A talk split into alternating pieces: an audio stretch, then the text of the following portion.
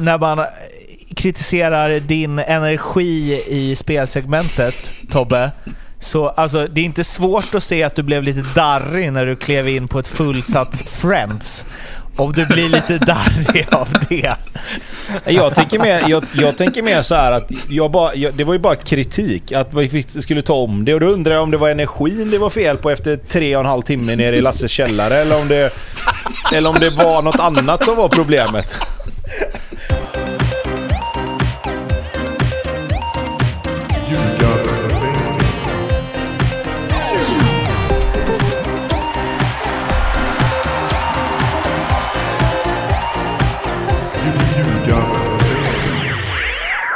Ljugarbänken i samarbete med Betsson är här och eh, det finns ju en del eh, lag i Allsvenskan som är lite krisläge.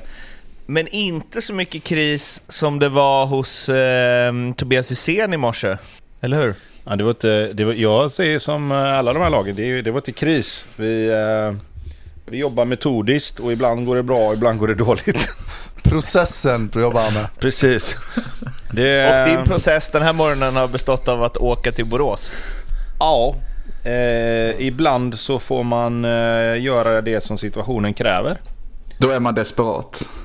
Ja, lite så. Nej men eh, det började, det började redan igår kväll med att eh, inspelningsgrejerna hemma hos mig bara balla ur. Eh, jag, vet, jag tror att minneskortet har blivit förstört på något sätt. Så att det kopplar inte i. Så att därför så fick jag ge mig iväg in på morgonen här och försöka hitta ett nytt, men det var inte helt lätt.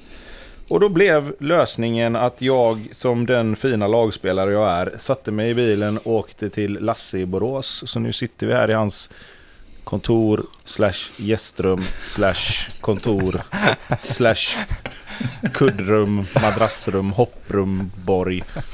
Och så Drömrum. spelar vi in. Eh, men eh, det var ju kanske ingen, eh, alltså inte högsta oddset på att det skulle vara ditt minneskort som krånglade heller. Det har väl varit på, jag tycker mig minnas i alla fall några avsnitt som eh, liksom precis innan inspelning så här, ah, minneskortet är borta. Ja, som ja, av ja, en händelse. Absolut. Att det bara försvunnit. Det har inte försvunnit, men det har varit där det ska vara och så har jag bara glömt av vad det är. En klassiker. Ja, ja, vad säger du då Lasse? Är det, hur är det att ha Tobbe hos sig en eh, tisdag morgon? Men det är fantastiskt. Kul att se hans nyna här i Nuna heter det. Eh, jag är lite besviken på Andreas där. Eh, vad menar du med ditt uttalande om Borås? Att få komma till mig, få en god kaffe och njuta av mitt sällskap, det är väl inte på något sätt dåligt? Äh, det är väl inte första gången man får pudla i det här avsnittet så jag kan väl lika väl göra det direkt. ja, eh, vi har ju på eh, Blommans begäran eh, lagt in lite grejer i körschemat innan derbysnacket för att eh, på något sätt eh, nyansera och sätta saker i perspektiv. Således så ska vi börja med, eh, eh vi pratar ju mest allsvenskan i den här podden, men vi ska börja med Helsingborg som ju eh, åtminstone för tre matcher sedan väl vara eh, så nära allsvenskan man kan komma utan att spela i allsvenskan. Eh, nu är det lite andra bullar där. Vi eh, har ju vår, eh, hade vår gode Lindström på tränarposten. Eh, nu har han fått foten tillsammans med Alvaro Santos och sportchef Andreas Granqvist.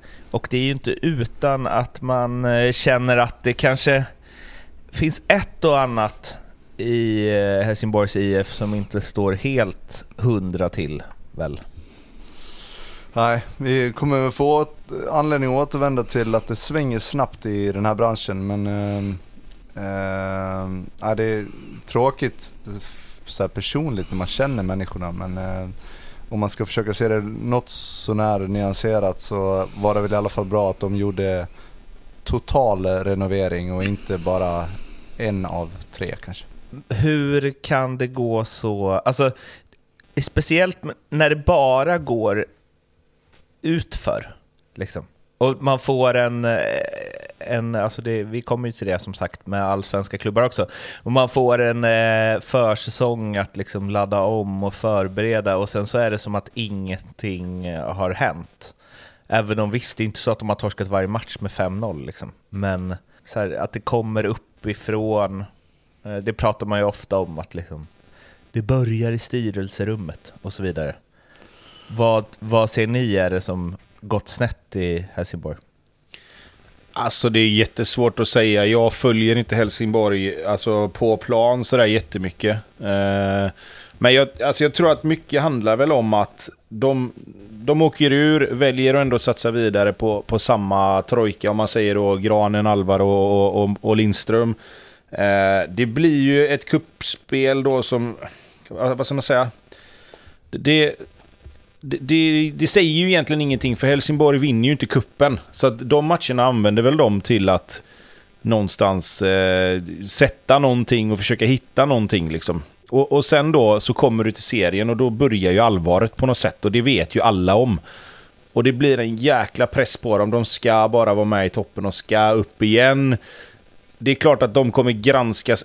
På ett sätt granskas de ju ännu hårdare eftersom det är de tre personerna de är. Samtidigt som jag tror att tålamodet har funnits där till en viss del till en början. Men det är klart att när de åker ur så är ju tålamodet mer eller mindre nästan slut. Eh, uh, för, för, att då måste du börja bra och när det inte görs då så, så tänker jag väl att de, de rycker väl plåstret och så hoppas de att det ska, att det ska bli bra. En sak med, nu börjar det bli några år sedan, även om man inte vill att tiden ska gå så fort kanske, men det är väl, alltså att de var ju så otroligt framgångsrika, eh, liksom 2010 runt där, och var ju Sverige, ja, det var ju Sveriges bästa lag, eh, eller, liksom, eller Sveriges, bland Sveriges två bästa lag under många år. Eh, hur en förening så helt kan liksom falla ihop och de har ju gjort omstart i superettan och gick upp men lyckades liksom inte med eh, renoveringen. Alltså hur kan det gå så snett? Vad, när det gått dåligt i klubbar som ni varit i, vad är det som inte funkar? Och finns det någonting i så här, ja, som sagt, det börjar redan i styrelserummet och det börjar redan med ledningen därifrån och så? Eller är det liksom spelarna på planen?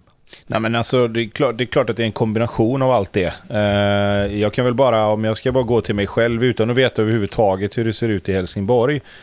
Så, så är de gångerna som det har gått bra i de klubbarna jag har varit, då har det funnits ett starkt styre. Eh, ett starkt styre som sitter ihop, eh, där de ledande positionerna är personer som dels har en kemi sinsemellan, både kanske på ett personligt plan men även på ett arbetsmässigt plan där de tänker likadant. Visionerna för klubben är någorlunda likadana. Sen, sen måste man kunna utmana varandra lite, precis som två tränare måste kunna göra. Eh, men, men det är väl den gemensamma nämnaren som sen i sin tur då går ner på plan. att man har en tydlig bild av hur man vill att, att laget och klubben ska fungera. Du värvar spelare därefter. Eh, du har en bra dialog mellan tränare, spelare, ledare, upp, hela vägen upp i styrelsen. Liksom. Eh, och, och likadant tvärtom givetvis, att de gångerna det har gått lite sämre så tycker jag att den gemensamma nämnaren ofta är att det, det, det, sitter liksom inte riktigt ihop. Alltså spelarna känner inte tryggheten att alla de som sitter och, och bestämmer tycker likadant. Så att eh, det är en enkel förklaring. Sen är det mycket mer komplext än så givetvis. Men, men det finns ändå någonting att ta på där. Var går, var går gränsen mellan att inte hålla med varann eh, och inte eller så här, att inte tänka likadant och att utmana varandra? Hårfin. Eh, det tror jag har mycket med relationer att göra. Om man känner sig trygg i relationen så man vågar utmana varandra på ett bra sätt utan att det blir dålig stämning direkt man inte håller med. Liksom. Eh, men jag tycker Tobbe sammanfattar det väl bra. Det som man möjligtvis kan tillägga också är väl att, att alla har sin roll och sköter den rollen och inte är inne och petar i andras roller. För utan att veta så, så är det väl inte helt solklart vem som gör vad och att man fokuserar på, på sin uppgift. Och en, en sak med det tänker jag att det är ändå att det finns någonting Eh, ärofyllt eller bra för CV eller vad det nu kan vara att vara med i en styrelse. Man, vill, man är fotbollsintresserad kanske, vill vara med och, och får man möjligheten att vara med kring eh, stadens lag eller vara med och peta liksom, så tar man gärna den även om man kanske inte eh, har rätt kompetens. Jag tänker att det är ett uppdrag som många gärna har. Det är ju helt klart känslan i alla fall. Alltså, det, är en, det är en tidigare sportchef som eh, talar här. Ja, men det där är ju sånt, alltså nu var ju jag jävligt färsk i det där yrket och hade dessutom en färsk tränare på elitnivå. Eh, men där lärde jag mig otroligt mycket av att försöka och, eller ja, jag var dålig på att ta avstånd från, från det dagliga arbetet runt, eh, runt A-laget. Och skulle jag någon gång ha en liknande roll igen, även om jag är kvar till viss del, eh, så handlar det ju om att liksom låta var och en göra det de är anställda för att göra. Sen ska man såklart vara med och supporta och komma med, med tips om det, om det efterlyses och så vidare, men inte vara inne och peta i det dagliga. Och vem har, alltså om du tycker annorlunda än tränaren kring något, vem har sista... Ja, men alltså i slutändan så handlar det väl om, om man kommer man inte överens, då är det ju någon som ska flytta på sig. Eh, sen är det väldigt ofta som man kan hitta eh, alltså en, en gemensam väg att gå där båda tycker att det är tillräckligt bra. Men så fort du börjar kompromissa för mycket så då, då går det ju ut över någonting. Eh, så att, eh, ja, den är skitsvår men jag tror att eh, det mesta handlar om att ha tydliga roller. Vad gör du, vad gör jag och så vidare. Och, Funderar på hur många som eh, har alla de ingredienserna egentligen. Men jag måste bara, utan att ha sett en sekund av Helsingborgs tre första matcher, så måste man ändå säga att om man har valt att satsa på eh, samma ledning efter att ha åkt ur och man har tre sena uddamålsförluster, må hända att det är liksom mot lag man ska slå, så jag tänker att det är omöjligt att det har sett så brutalt dåligt ut att man inte kan se någon annan lösning än att nu ryker allihopa. Alltså, det låter mer som ett lag som förlorar på det sättet, det låter mer som eh, spelare som har det tufft mentalt och som kanske inte tror på sig själva för stunden.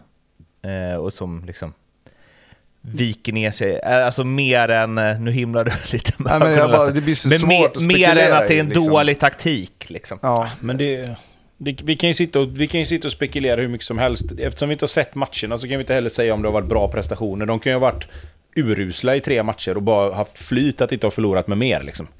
Så att det, det blir ju en hypotetisk diskussion egentligen. Nu har de förlorat tre raka matcher i Superettan och efter att ha åkt ur ganska ordentligt förra året, då, då känner väl de att nu får det räcka liksom. Nu behövs det göras någonting här. Jag tycker det är knepigt det där när man byter tränare så uh, ofta bara att det ska vara liksom eh, spel, eller jag vet inte, det är spelidén som är fel. Bara, oh, fast då var det det med den förra tränaren också då. Och den förra. Och den förra.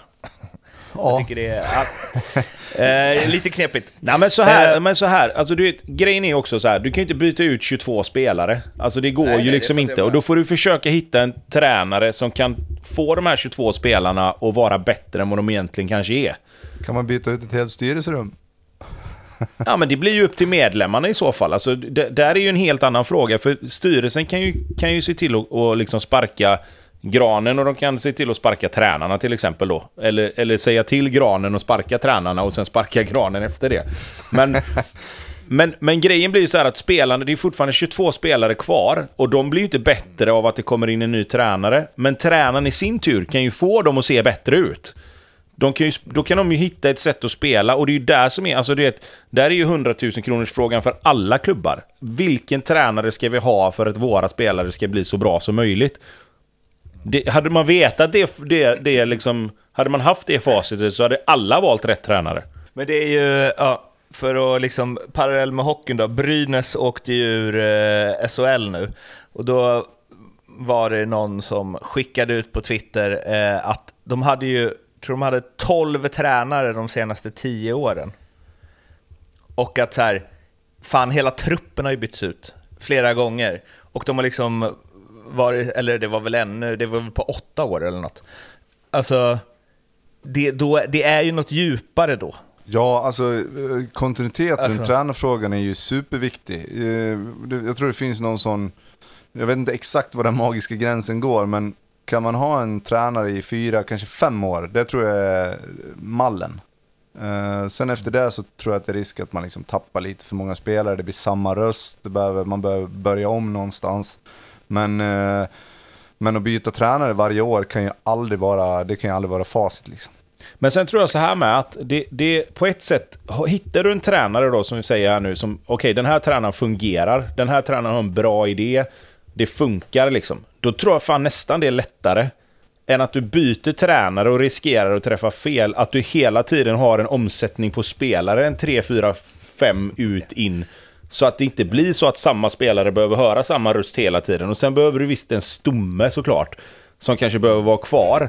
Men det är alltid det där liksom, ah, nej men nu behövs en ny röst. Jo, men hur, hur många av spelarna som var med från början är med år 4-5 liksom? Så jäkla många är det ju oftast inte.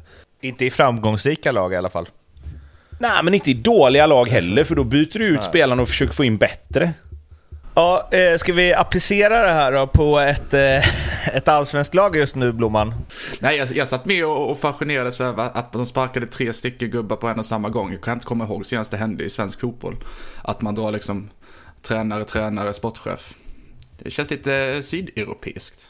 Men det var lite det jag var inne på i början, att just vad gör man, ska man ändå göra en förändring, om man gör en ordentlig förändring då? Mm. Ja, men det har ju något. Men du, om vi ska Ja, tillbaka ska- till det Mårten frågar då.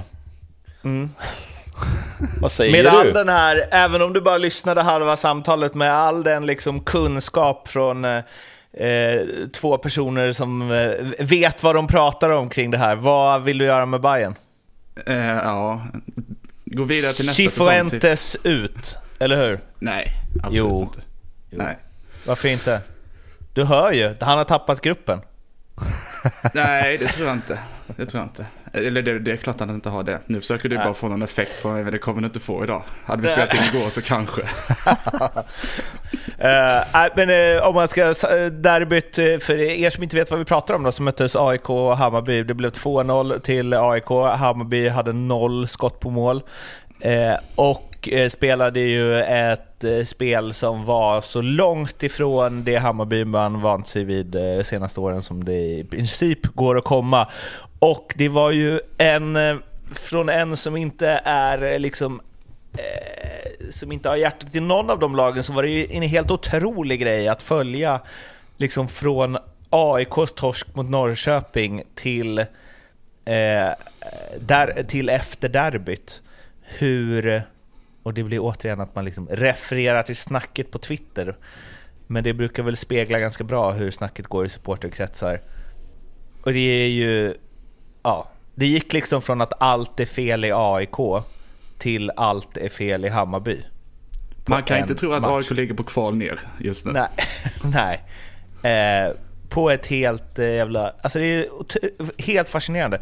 Allt var liksom, hela det här med liksom värva någon spansk division 5-spelare och det är semestrar hit och dit och det finns ingen sportchef och så vidare. Bortblåst. Totalt. Och det var ju inte, alltså nu säger du det idag, liksom, efter att ha smält det lite, Blomman. Men det är ju inte liksom, alltså det är inte så att alla bara, Marti är rätt. Vi kör på. Nej, men vadå, Ma- majoriteten är väl ändå inne på det. Det, är ju, det vore ju helt, helt sjukt att säga något annat såklart. Vore det Fan vad du är samlad Blomman, det är nästan trist måste jag säga. Ja, men det, det har ju snart gått 48 timmar. Går man inte vidare nu så gör man ju aldrig det. Nej, det ligger mycket i det faktiskt. Det är en del av processen. Nej, men... men eh, alltså det, det som gjorde mest ont, som jag tror alla delade, är att man kunde liksom... För en gång skulle åker man ut till Solna, till Friends och kan liksom skicka AIK rakt ner i fördärvet. Det är nästan lite att vrida om kniven-läget. Och så går, går man ut... Lite! Ja, men Det totalt. blir väl inte mer vrida om kniven-läge? Nej, och sen liksom med tanke på förra året hur det såg ut med insläppt mål efter någon minut i första halvlek och samma sak i andra. Så tänkte man, ja men nu ska vi vara med från början. Vad händer efter en minut? Då gör ju liksom Dovin en, en handbollsräddning liksom. Och vi håller på att släppa in mål i första minuten igen. Så redan där börjar det ju. Eh, och, och sen, så, sen så är det så håglöst och så, det ser så ointresserat ut. Jag orkar inte heller ta den här taken att, att folk inte liksom bryr sig eller går in i situationen. Det är klart att de gör det, men det ser ju, det ser ju liksom ut som att det är pojkar mot män. Men det är det, är det inte Bayern, alltså, är, även Bayern, inte bara Djurgården, i ett sånt brutalt underläge mentalt när man går in i ett derby? Eller, så, eller att AIK är i ett sånt brutalt överläge, så att allt som egentligen... Alltså det, det, ju- det Hammarby borde gjort är ju så här, det är så lätt, men så här, ut och bara ös. Gör som ni brukar. Pressa, kör. Liksom. För att de här är stukade som fan. Men när de- man går in i den matchen, jag såg de prata om Axén, att liksom AIK får spela igång sig. Det handlar ju inte om det. När, de, liksom, när avsparken är, så är ju AIK ligger ju, de har ju typ redan vunnit det derbyt i sina huvuden. För att de är så jävla vana vid att de är starkast i derbyn. Ja, men jag tror snarare åt andra hållet. Alltså, det, kan ju omöjligt vara så att uh, Hammarby går in och känner att ja, men vi är så mycket bättre. Vi underskattar AIK. Utan det är, man får mer känslan av att de är lite skraja för situationen. Ja, verkligen. För alltså det måste man ju säga, ja, det är ju, en- det är ju sämre, det är en sämre match av AIK, eller av Hammarby mot AIK än vad det var av AIK mot eh, Norrköping. Ja, absolut. Och det trodde man ju typ inte gick. Nej, Alltså, det nej, ju- nej det- absolut inte. Det är ju liksom en noll, noll av tio är det insatsen. Eller? Ja men Fan, det man är ser ju... verkligen men det är hur du lider det är klart Blomman. Det, är klart att det är noll av tio när man har noll skott på mål. Ja, det- alltså det är så Då är det alltid noll dåligt. av tio. Ja, ja, nej, fast vadå, du kan ju skjuta utanför. Men liksom, eh, de har ju inte ens, Ja, de har ju, de har ju inte ens några lägen. Men kan vi, kan vi Eller komma in inte på det direkt då? Var, varför eh, gör man alla de här förändringarna framåt? Jag kan inte förstå det. Nej, alltså jag tycker ju egentligen att det har roterats allt för mycket generellt sett på trion där fram, om vi benämner det som en trio. Och så kommer man in till den här matchen och så slänger han in liksom tre gubbar som inte startat en enda allsvensk match någonsin. I ett derby. Nej, det, jag, tycker det är jag har inte ofattbart. hört, Ja, för mig, det är ofattbart för mig också. Och jag har inte hört någonting om Joel Nilsson. Men, men han var ju liksom en av de första, och det brukar inte jag säga, men som jag faktiskt hade satt in i en startelva i en sån här match. Och eh, nu blev han inte inbytt. Det kan vara så att jag missat något, men jag har inte läst någonting om att han skulle vara skadad eller han skulle vara sjuk. Han var ändå på bänken. Vi har fem byten, han är inte en av dem. Jag fattar inte det. Om det är någon som ska spela liksom en sån här match och göra sin kant hela biten så är det väl han. Jag måste också, alltså det, jag fattar att man inte ska liksom skicka Marti, men det finns någonting i eh, men hans, jag vet inte, att ha, han kör ju på sitt så hårt och han är ju, han har ju en ganska tydlig linje i vad det är för typ av tränare och hur han vill spela och så. Eller liksom, ja, han känns inte så jävla anpassningsbar om man säger så. Utan han har det han tror på. Och det känns som att när man har det och när det gått ganska bra och man får mer mandat, alltså jag vet inte, att man gör en sån grej, att man slänger in tre stycken som inte spelar, alltså det blir ju någon form av så här. Jag vet inte. Så Fast- fast jag tycker inte- på sin egen kompetens. Fast jag typ, tycker, inte, sitt- jag tycker inte det är det som är problemet. Utan att titta på Hammarby precis varje vecka och analysera in i minsta detalj. Och nu får väl du rätta mig om jag har fel Blomma, men jag tycker inte de spelade så som de brukar göra. Och då blir det så här. Är det Martin Cifuentes som har sagt att de ska spela på det här sättet? Eller är det bara spelarna som var på plan som inte behärskar spelsättet till 100% i den här enstaka matchen? Jag, alltså, jag tycker inte det handlar Jag tror om att... det första. Ja, men jag, tror inte det, handlar första. om att han... Jag tror inte att det handlar om att han kör fast i sitt spelsätt i den här matchen. Jag tycker inte det spelsättet som var i den här matchen var så som man brukar se Hammarby. Så, han, Nej, så han har ju ändå han ju ändrat på grejer i så fall. Då skulle det snarare vara det. Att varför kör de inte bara på så som de har gjort? Men det är det jag menar ju, att man så här någonstans... Eh, fan, jag hittar inget bra uttryck för det, men att man går på liksom Ja, myten om... Alltså att han jag tror så här, jag är ett sånt taktiskt geni. Jo, men jo, jag fattar. Jo, jo, jo, jo, jo, jo, absolut. Jag fattar. Men då är det ju inte det här att han kör på sina idéer. För hans idéer För har det är ju... ju hans... det är ju hans idé att tänka att så här, oh, om vi gör så här, då kommer vi över... Eller då, det är så här man möter AIK. Ja, ja, du tänker så. Okej, okay, ja, men, men nu har jag sett någonting. Okej, okay, liksom. ja, då missuppfattar jag vad du menar. Eh, men jag tycker mer så här att... Ja, det, det, det, som händer här, och det är kanske det vi menar allihopa då, det är ju att han gör helt fel matchplan. Mm. Alltså, och det, det, är väl det vi menar allihopa då, fast vi säger det på olika sätt. Men, men, det som jag inte fattar då, det är ju varför gå in i en sån här match mot AIK. Sen fattar jag att det är, det, det är derby och du kanske inte kan ha exakt samma, men uppenbarligen har ju det som de har gjort innan ändå funkat ganska bra. De var ändå bra, eller relativt bra förra året. Sen är det derby. Och derbyna i Stockholm lever ju sitt eget liv. Alltså det är ju som vi har sagt innan. Det spelar ingen roll om AIK hade kommit med fem raka torsk. Så går ju de in i derbyt och tänker fan den här matchen kan vi vinna. Alltså det, det är liksom, det, det, är ju den bilden de har av sig själva. Men ska jag vara helt ärlig, jag tycker liksom visst, de unga spelarna gör inga bra matcher i Hammarby, men det är ju också så här, de erfarna spelarna i AIK bär ju sitt lag mer än vad de erfarna spelarna i Hammarby gör med sitt lag. Och det är ju det någonstans säger... där du måste börja. Är det derby, då måste dina erfarna spelare som har spelat de här matcherna förut, måste ju vara bra. Och det var de i AIK och det var de inte i Hammarby. Men då är det också otroligt märkligt varför tre stycken som inte har gjort en minut start, eller ja, inte i alla fall har startat. Alltså det är, jag kan inte förstå det. Och där Nej. är jag, jag är med Mårten i det att, alltså försök, alltså så bra trupper har inte de allsvenska lagen så man kan byta ut tre stycken och tro att ja men det här blir minst lika bra, om inte bättre. Alltså, men om de? AIK alltid, om vi säger så här, vi utgår från att när det är derby så har AIK ett mentalt övertag på både Hammarby och Djurgården direkt. I den här matchen kanske de hade lite mindre mentalt övertag för att det har, gått, för att det har stormat så. Och att då, som Hammarby-tränare, på något sätt anpassa Bayerns spel efter AIK och försöka så här, ah, men vi, liksom, vi slänger in tre nya här och jag, vi, vi har liksom lite lägre utgångspunkt, vad vi pressar inte som vi brukar göra. Är det någon gång han ska bara, okej, okay, vi vet, AIK är bra i derbyn oavsett hur det går, men de är kanske lite stukade idag. Ut gubbar och bara kör nu och försök sänka tidigt. Det kanske inte kommer gå för det finns en jävla derbyande över allting, men det är verkligen inte här man ska in och liksom så här ja, men vi kanske ska testa den här grejen och vi kanske ska gå ifrån det vi normalt sett gör. Ja, men jag, har inga, jag har inga problem med att han slänger in tre spelare som inte har spelat i Allsvenskan förut. Om det hade varit erfarna spelare.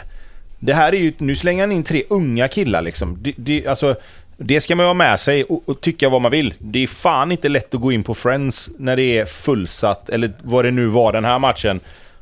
Och spela som 17, 18, 19-åring liksom. Jag tyckte det kunde vara jobbigt när jag var 30 och åka dit och spela. För att det är ett jävla klimat där inne. Och det, det tror jag är den största anledningen till att de unga spelarna inte riktigt kommer upp i, i liksom, eh, form och i prestationer i den här matchen. De, det är inte så jävla lätt alltså. Men det är antingen så är det ju så att han har någon sorts eh, tvivel på vad de ska göra. Eller så är det någon form av hybris, att nu ska jag utmanövrera. Ja, hybris. Uh, och sånt kan ju störa mig rätt mycket. Att, ja, men, om du har någonting som funkar, håll inte på att rotera till höger och vänster och nu ska du spela så här och nu ska du göra så för att du möter den typen av backlinje.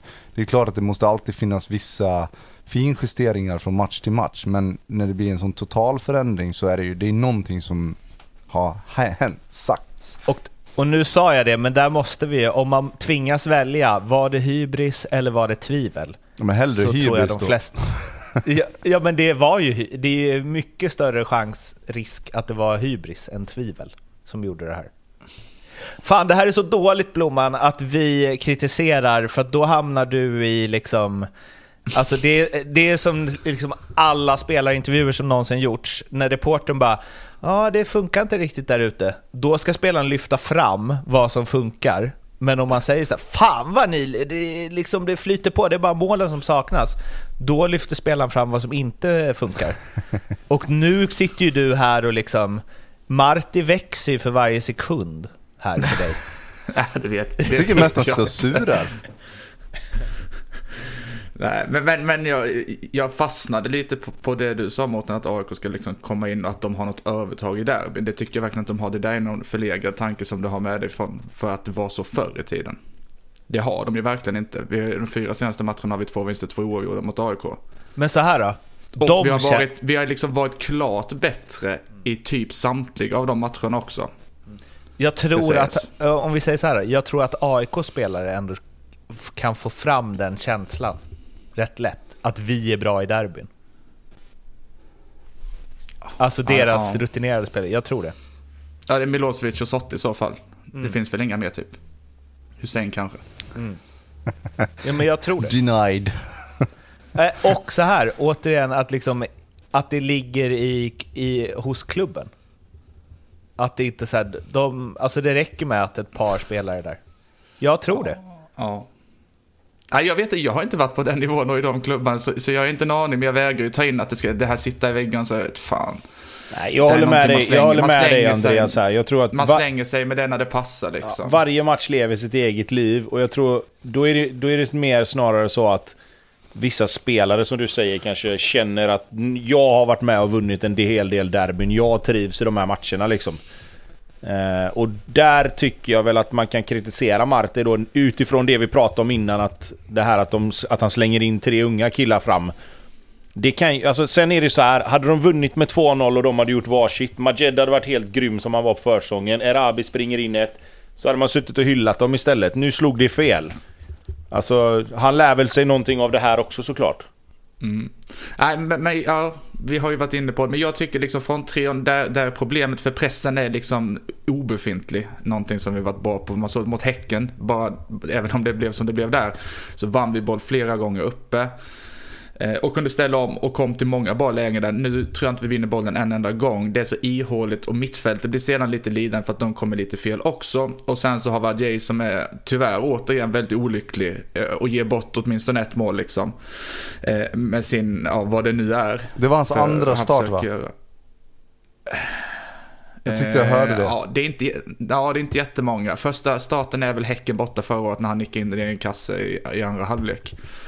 Det, är- Eh. det är inget super eh, positivt facit. Två matcher Ja, det är inte så, gå ut och ta chansen här nu. Nej. Nej, men jag, jag, det känns ju också som att de är, det känns som att det, liksom, det sprider sig en osäkerhet i hela laget när det ser ut som det gör. Alltså, så, om, om det sitter lite mer spelat, att det ser lite bättre ut i matchen, så tror ju inte jag att Sadiko släpper den bollen på första till exempel. Allt smittar av sig känns, känns det som hela vägen. Från, från liksom från forwards längst upp till, till mittfält som kommer fel, Adjei osäker där bak, upp på läktaren. Helt, det blir liksom helt paralyserat. Men jag tror, stundtals. alltså, där, är ju, där är ju en bra, en bra eh, grej att kanske prata om tycker jag. För att ofta så snackar man om så här, ja men när det inte riktigt stämmer då, då blir det så här, då blir man osäker och så här. Men om man nu är osäker och känner att nej men vet du vad, fan det här, vi, det sitter inte ihop idag, vi, vi spelar inte så bra, känslan ute på planen är inte så bra. Då chippar man ju inte en f- 30 meters passning i sidled över till sin mittbackskollega när det står en gubbe i vägen. Då spelar du den bollen 30 meter framåt istället. Det är ju det jag menar, där måste de ju liksom... Får ju tänka till lite där. Alltså är det så att det inte känns bra, inte fan börjar man med klackar och bicykleta och hålla på med sådana grejer. Då, då sätter du dina passningar och kommer in i matchen och ser till att okej, jag gör mitt här nu. Jag måste bara, eh, att det är liksom baserat... När vann Hammarby mot AIK på Friends senast? Ja, det är ju ett tag sedan. På Friends. Ja, det har, har det hänt? Nu har han background-checkat det här nu. Ja, eller Ja. hur? Nej, Du ska nej, bara kolla alltså- om du har koll Andreas. Han, har, han sitter med facit framför sig nu. Nej, nej, när, nej, jag när går... Padib, Padib avgjorde ett, ett riktigt trött skott från Smarason så plockade han upp den och satte 1-2. Länge sedan. Exakt. Ja, då, så då håller mitt lite ändå då? Att Ja, AIK men det är klart att det håller lite, men in får liksom med... det framstå som att det är något råsöndagsspöke att vi inte tar en poäng mot AIK liksom de sista tio åren. Så är det ju inte. Men när var det här då? Som de... Men när var det de vann på Sist, Friends? sist vi vann på Friends var 2017. Ja. Det får man ju ändå säga. Ja. Och innan det, nej just det, då var det superettan massa år. Men... Ja, då eh, är det väl straffläggningen i kuppen tror jag. ja. Utan Sen får man ju, vi måste ju också nämna det att alltså, det är otroligt starkt av AIK med den eh, starten de har fått. Eh, och gå ut och göra en sån bra fotbollsmatch. Och dessutom också där med lite ny, nya konstellationer med Tio som, som sexa.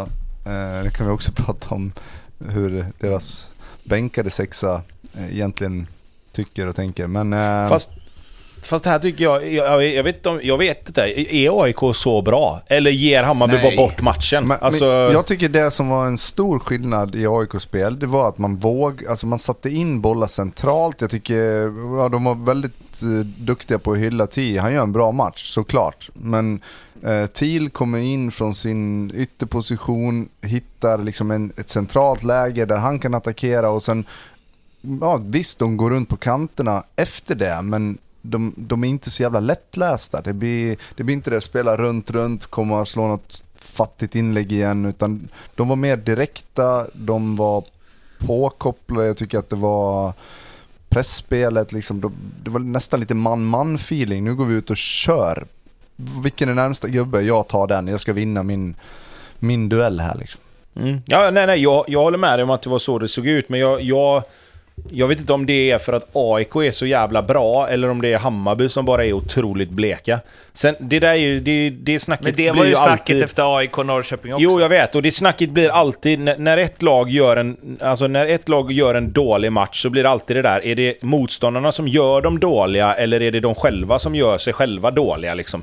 Och, och jag ska inte ta någonting från AIK, de spelar ju matchen utefter hur Hammarby agerar och gör det mycket, mycket bättre än vad Hammarby gör.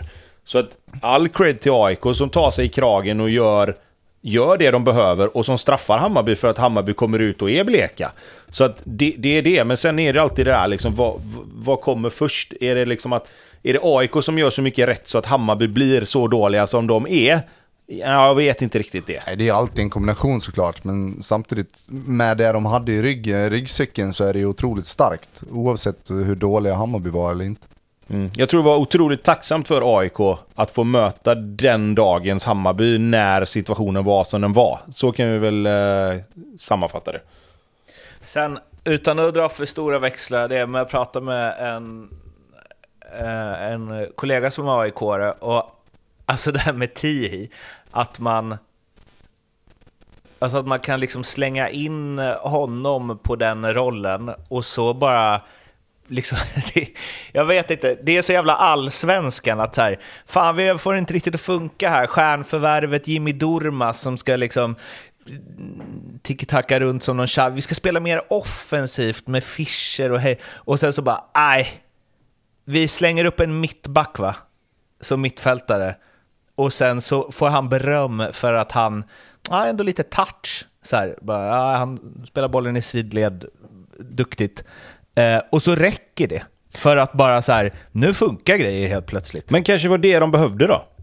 Jo, jo. Alltså och, det, men det, det, bara- uppenbarligen så behöver de ju inte då Jimmy Durmas passningsfot i den rollen, utan de behöver en spelare Nej. som kanske är lite mer fysisk, som kanske läser av spelet och vinner lite mer bollar och ligger rätt i positionsspelet. Så att han kan stänga ner Hammarbys offensiva mittfältare istället för att vara bra offensivt. Där har de ju Bilal Hussein och precis som Lasse var inne på så kommer till in centralt och hjälper till ifrån sin position. Då måste du kanske ha en spelare som är lite mer defensivt, alltså en defensiv instinkt mer.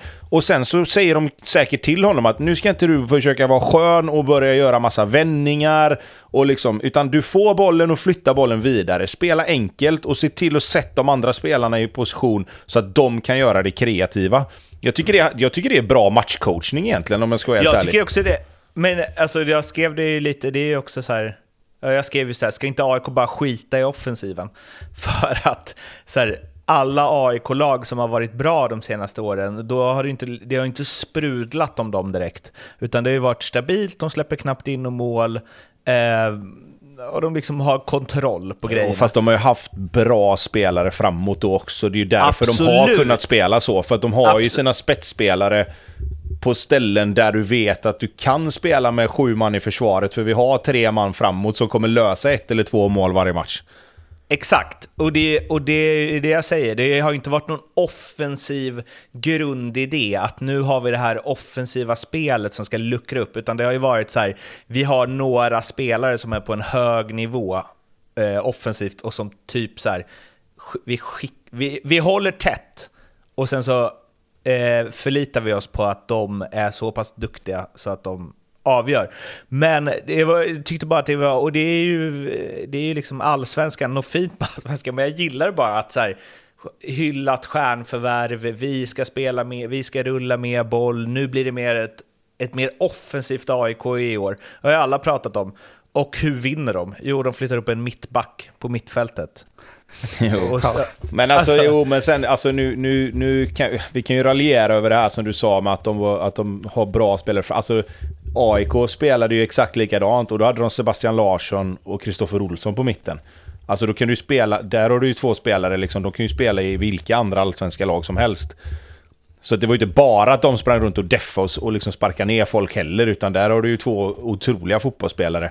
Så du måste ju ha både och. Bilal Hussein är ju likadan, han kan ju också göra allt mer eller mindre. Sen är det klart att han är bättre med bollen än utan boll såklart, men han kan ju fortfarande göra det andra. Och det är ju därför han alltid spelar men, men man, vadå, man måste väl ändå säga att känslan inför i år var det kommer bli ett mer offensivt AIK. Men jag tror att det är väl, alltså när det blir lite mer lugn och ro så kommer nog Brännan försöka kommer- att applicera lite Absolut. mer av det igen. Men, men eh, nu var det ju så här, vad kräver den här dagen lite mer? Ja, och sen också så är det ju att nu har du Gudetti på läktaren som, som är skadad. Du har Victor Fischer som inte har varit så bra som man kanske trodde att han skulle vara. Då kanske det är svårt också att förlita Ja. sig till att den där offensiven ska lösa situationerna åt dem hela tiden. Exakt, jag säger inte det. Men då är man ju jävligt glad att för att vinna ett derby i Allsvenskan 2023 så kan man bara flytta upp en mittback på mittfältet istället. Så är det lugnt. Alltså, det är det jag menar. Att så här, Det låter så borde jävla Ju... trist. ja, men det är ju så. Alltså, för att... här, Nej, jag vet inte. Det krävdes liksom inte... Fast bara för att det hände en gång så betyder inte det att det liksom är receptet framåt. Nej, nej, men... Och du menar att det inte hänt fler gånger? Att man så här, ja, vi bara sätter in honom där. Så... Och så här, och spelar enkelt och prioriterar stabiliteten och defensiven. Alltså Ja, det, det, kanske är mer spela enkelt i så fall än att man liksom... Alltså, helt plötsligt sätter upp en mittback som sexa. Ja, men det blir ju någonstans så här... eh, Ja, men det blir så tydligt i det här. För att den andra sexan, som de har spelat med tidigare, är ju så långt ifrån en mittback man bara kan komma. Alltså, eller för mig är det så här, jag vet inte, det säger någonting om, eh, om hur man lyckas i allsvenskan. Du bashar Också. kvaliteten på fotbollen i Allsvenskan helt enkelt. lite så. Ja, det skulle jag säga. Ja. Ja, hur som helst Det är det jävligt funkar. intressant att det, det kan gå från att vara total kris i det ena laget och så lä- det är nästan så att de lämnar över stafettpinnen bara här. Nu är det eran tur att ha kris. Mm. Ja, Är det jo men det blir, det, det blir ju lite så liksom, med, med lite perspektiv så liksom har vi väl kanske gjort två av de tre svåraste bottenmatcherna på säsongen. Om man nu ska prata så och se, se över 30 matcher. Eh, och vi ligger dessutom före AIK och med på mer, mer gjorda mål. Eh, och samma målskillnad. Men jag menar, är det kris? Nej, absolut inte. Eh, men, men liksom är det, är det noll skott på mål mot Varberg på lördag? Då är i alla fall jag halvvägs på väg in liksom i andra halvlek. Så. Så kan vi säga. Fan, fan Blomman, vi måste spela in tätare in på Hammarbys matcher. Ja, Men Hammarby får börja spela måndagar då. Ja. Men är det 4-0 på lördag så är ju, förstå mig rätt, allting glömt. Ja men då är det ju som det ska vara. Precis som du säger. Alltså, nu fattar jag att man kan säga så om ett derby. Men det är ju liksom inte... Det är inte krisresultat att förlora ett derby mot varken Djurgården eller AIK på så sätt att det är två ganska bra lag normalt sett. Sen på sättet man förlorar så är det ju inte bra, givetvis. Nej, och det är det som är problemet Exakt. här. Det är därför Exakt, liksom det men jag tror det- också att det här blir ju också... Jag tror att Marti är så pass att... Okej, han tittar på den här matchen och bara det här var inte bra. Så här kan vi inte göra någon mer gång. Utan nu får vi försöka hitta tillbaka till det vi har gjort innan. Nu kommer vi ut på hemmaplan. Det kommer mycket folk. Nu bara åker vi igen och så tar det därifrån. och jag slutar rotera, tror du han tänker så? Nej men du behöver inte sluta rotera, men du får ju rotera med spelare och så får du... Spe alltså, du får ju spela med spelare som, som, som löser det spelsättet du vill ha. Alltså, Jag tror väl att de tre som spelar fram, då tänker han så här, ska vi spela med de här tre så kan vi inte pressa högt, för de är inga bra pressspelare. Då måste vi välja att göra så här. Då är det ju i så fall, då får man ju ifrågasätta, om han inte vill pressa högt, varför vill han inte det? det då är det ju snarare den frågan man får ställa sig, för då hade han säkert valt andra spelare. Ja, fast eh, det, du kan vända och vrida på det hur du vill, men du kan inte ha sju olika anfallare på tre positioner på tre matcher. Det, det kan aldrig vara bra. Det är väldigt få framgångsrika lag som jobbar så, ju. Generellt. Ja, Alltså, eh, det är ju roligt nu att de har Varberg hemma och sen är det Malmö borta. För då blir det också en liten så här, okej, här mot Varberg kommer vi ju anpassa oss noll. Och sen så kanske den tuffaste bortamatchen på hela säsongen direkt efter. Alltså se om han, det blir ganska direkt ett så här, har du lärt dig något från det som har varit nu? Och nu har det blivit dags för eh, speltips. Fan vad kul! I, I samarbete med Rekat och Klart! Blomman, tänkte du ska liksom haka in där som att vi ska vara någon form av eh, duo. Men eh, ja, jag tar det. Men I samarbete med Rekat och Klart. Blommans nya, nya lag som han är utlånad från en gång i veckan. Mm, mm, exakt. Kryss 2. Häcken-Kalmar. Ja, krönte man ju en dubbel med Bayerns AIK, så det gick ju som det gick. Det gick som det gick. Eh, hur går eh, den här omgången då? Ja, då är det ju med en dåres envishet att Hammarby vinner med minst två mål mot Varberg. Och eh, över 3,5 mål i Malmö-Norrköping. Oj, över 3,5 mål. Ja, jag tror det blir eh, Slakt. åka. Nej, men eh, Malmö borde gjort betydligt mer mål mot, mot Blåvitt och jag tror att de kommer få minst lika mycket lägen här. Samtidigt som Norrköping bör göra åtminstone ett mål. Då tror jag vi är hemma. Vad har du för odds på den då? 5,75. Det var inte så dum ändå va, nu när du fick tänka efter. Jag ser det på dig. Tobbe, Tänker med att Malmö ska göra mer än två mål. Malmö behöver ju göra tre ju. Men Si- Sigurdsson gör ju två. Ah, inte mot Malmö va? Nej. Vi kan se. 3-1 Malmö. Ja. Jag återkopplar Trots allt jag som är experten nu. Jag har ändå satt mina två spel. Kör Ja, då. du går för hattrick. ja, nej, jag vet inte. Ja, nej, jag har i alla fall att eh, Mjällby vinner. Eh, borta mot BP. Att Hammarby vinner har jag också. Hemma mot Varberg. Och att Djurgården vinner. Stark, stark svagt. leverans här. Ta om den. Mårten, du har oddset där va? Jag såg aldrig vad det var. Fem. Oj! Men du får ju ta om den, det var ju, det var ju sämsta spelsegmentet någonsin. börja om. Vadå? Nej, det var bra, det var bra, det var bra. Ska jag ta om det på riktigt? Vad är det för odds? Vad är det för odds? Fem? Fem! Ja. Du såg ju det. Stark. Ja, ja, bra. Fint. Lasse? Eh, Jag har över 3,5 mål på Hammarby-Varberg. Jag tror att eh, Hammarby kommer att eh, demolera Varberg. Eh, sen har jag under 2,5 mål på Degerfors-Elfsborg. Eh, tråkig gräsmatch som Elfsborg vinner med 1-0 kanske. Tråkig gräsmatch. alltså, ja. Vad, du, tyckte du hade låg energi Blomman, eller vad var det? Men släpp det nu! Ja. Till sju gånger pengarna. Ja, sju gånger pengarna. Lasse går ut hårt. Eh, alla de här spelen finns hos eh, Betsson under specialspel, godbitar, ljugarbänken. Eh, kom ihåg att du måste vara 18 år för att spela. Spela ansvarsfullt.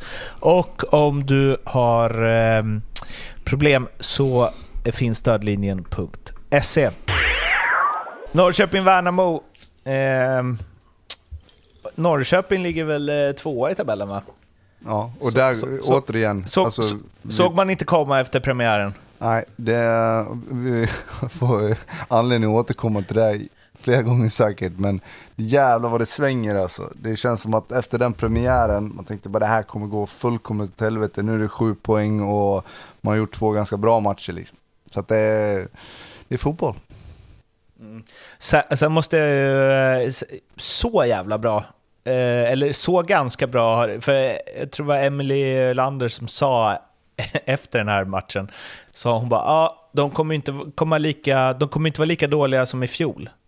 Och jag kände så här, mm. alltså den här matchen vinner de ju på ett helt otroligt målvaktsingripande vid 1-0, där det är nickpass ner på fötterna. Eh, och eh, 2-1 är ju ja, flackskott. Eh, det är ju inte så att de liksom, fan, det, det, är inte så att de har massa bud på 3 och 4-1 direkt mot ett väldigt dåligt Värnamo.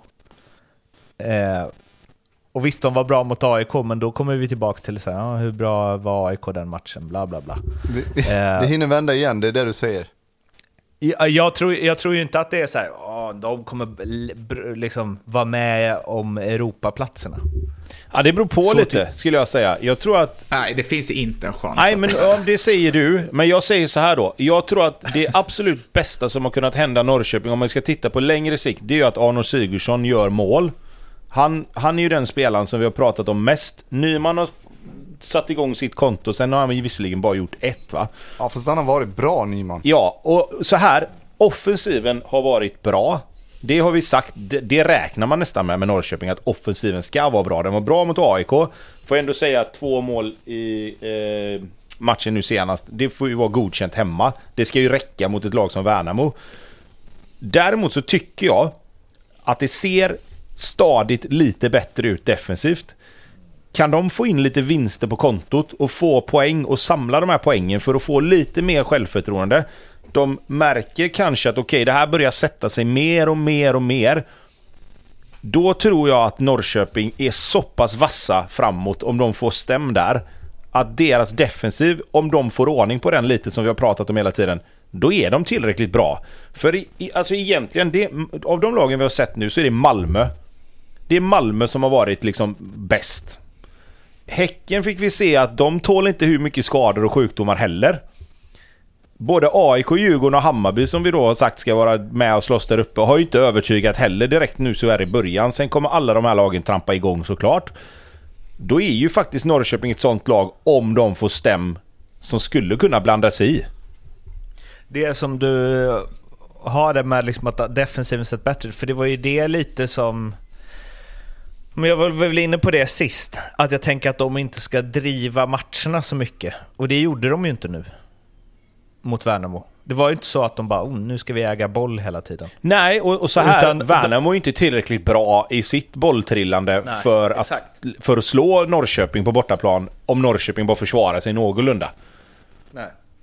Och det var ju det de gjorde, att, eller det var väl det de, det var väl det var spaningen från Glen, att eh, låt dem ha lite boll, de kommer tappa den och då ställer vi om som vi gjorde mot AIK. Ja men precis, och möter du då ett lag, alltså nu låter det här, nu, nu, alltså med, inte, jag ska inte för, liksom såga Värnamo helt och hållet. Men jag tycker att i de matcherna de vet att lagen de möter vill ha bollen, men kanske inte är tillräckligt bra för att såra dem ordentligt. Varför inte låta dem ha bollen då? Alltså det blir ett skenbart övertag för Värnamo står ju med sina fem spelare ganska långt ner. Och så försöker de spela och sen när de kommer förbi första ledet då, vilket de gör, för att Norrköpings tre där fram vill ju bara anfalla. Nyman jobbar hårt och allt sånt där och det gör väl de andra två med till viss del. Men jag tycker att de vet ju också om att vi har fått lite stäm där bak nu. De kommer lösa det åt oss. Vi ligger kvar här nu och så går vi när vi vinner boll. Och framförallt alltså att de har fått eh, stäm defensivt, det tycker jag allra, alltså jag är fortfarande orolig när bollen kommer mot eh, Lund och eh, Eriksson. Men det som jag tycker har funkat är ju att med Tröjstason och Ceesay har de ju fått en balans. Tröjstason har ju faktiskt varit eh, ja, kanske deras bästa spelare. Ja, alltså, och Ceesay har ju sett till vad man har sett i alla fall innan också liksom var det en överprestation och ja, jag säger inte att han inte är så bra men det var ju svårt att riktigt veta vad vi skulle vänta oss. Vad skulle han få för, för inverkan på, på Norrköping? Det har, det har jag ju verkligen, tycker jag vi har fått svar på. Han har gjort det ruggigt bra. Mm. Och lite att han har tagit den, eh, sagt att, de, att han inte är en, en, att han är en spelare som bryter linjer, kanske inte en bollvinnare i i första hand, men dels så sa han ju själv att han fått instruktioner att spela mer fysiskt, men så blir det väl lite så också att om ingen annan gör det så finns det ju en plats där. Att så här, ska du starta varje match så är det det den här rollen vi vill att du tar. Ja men såklart.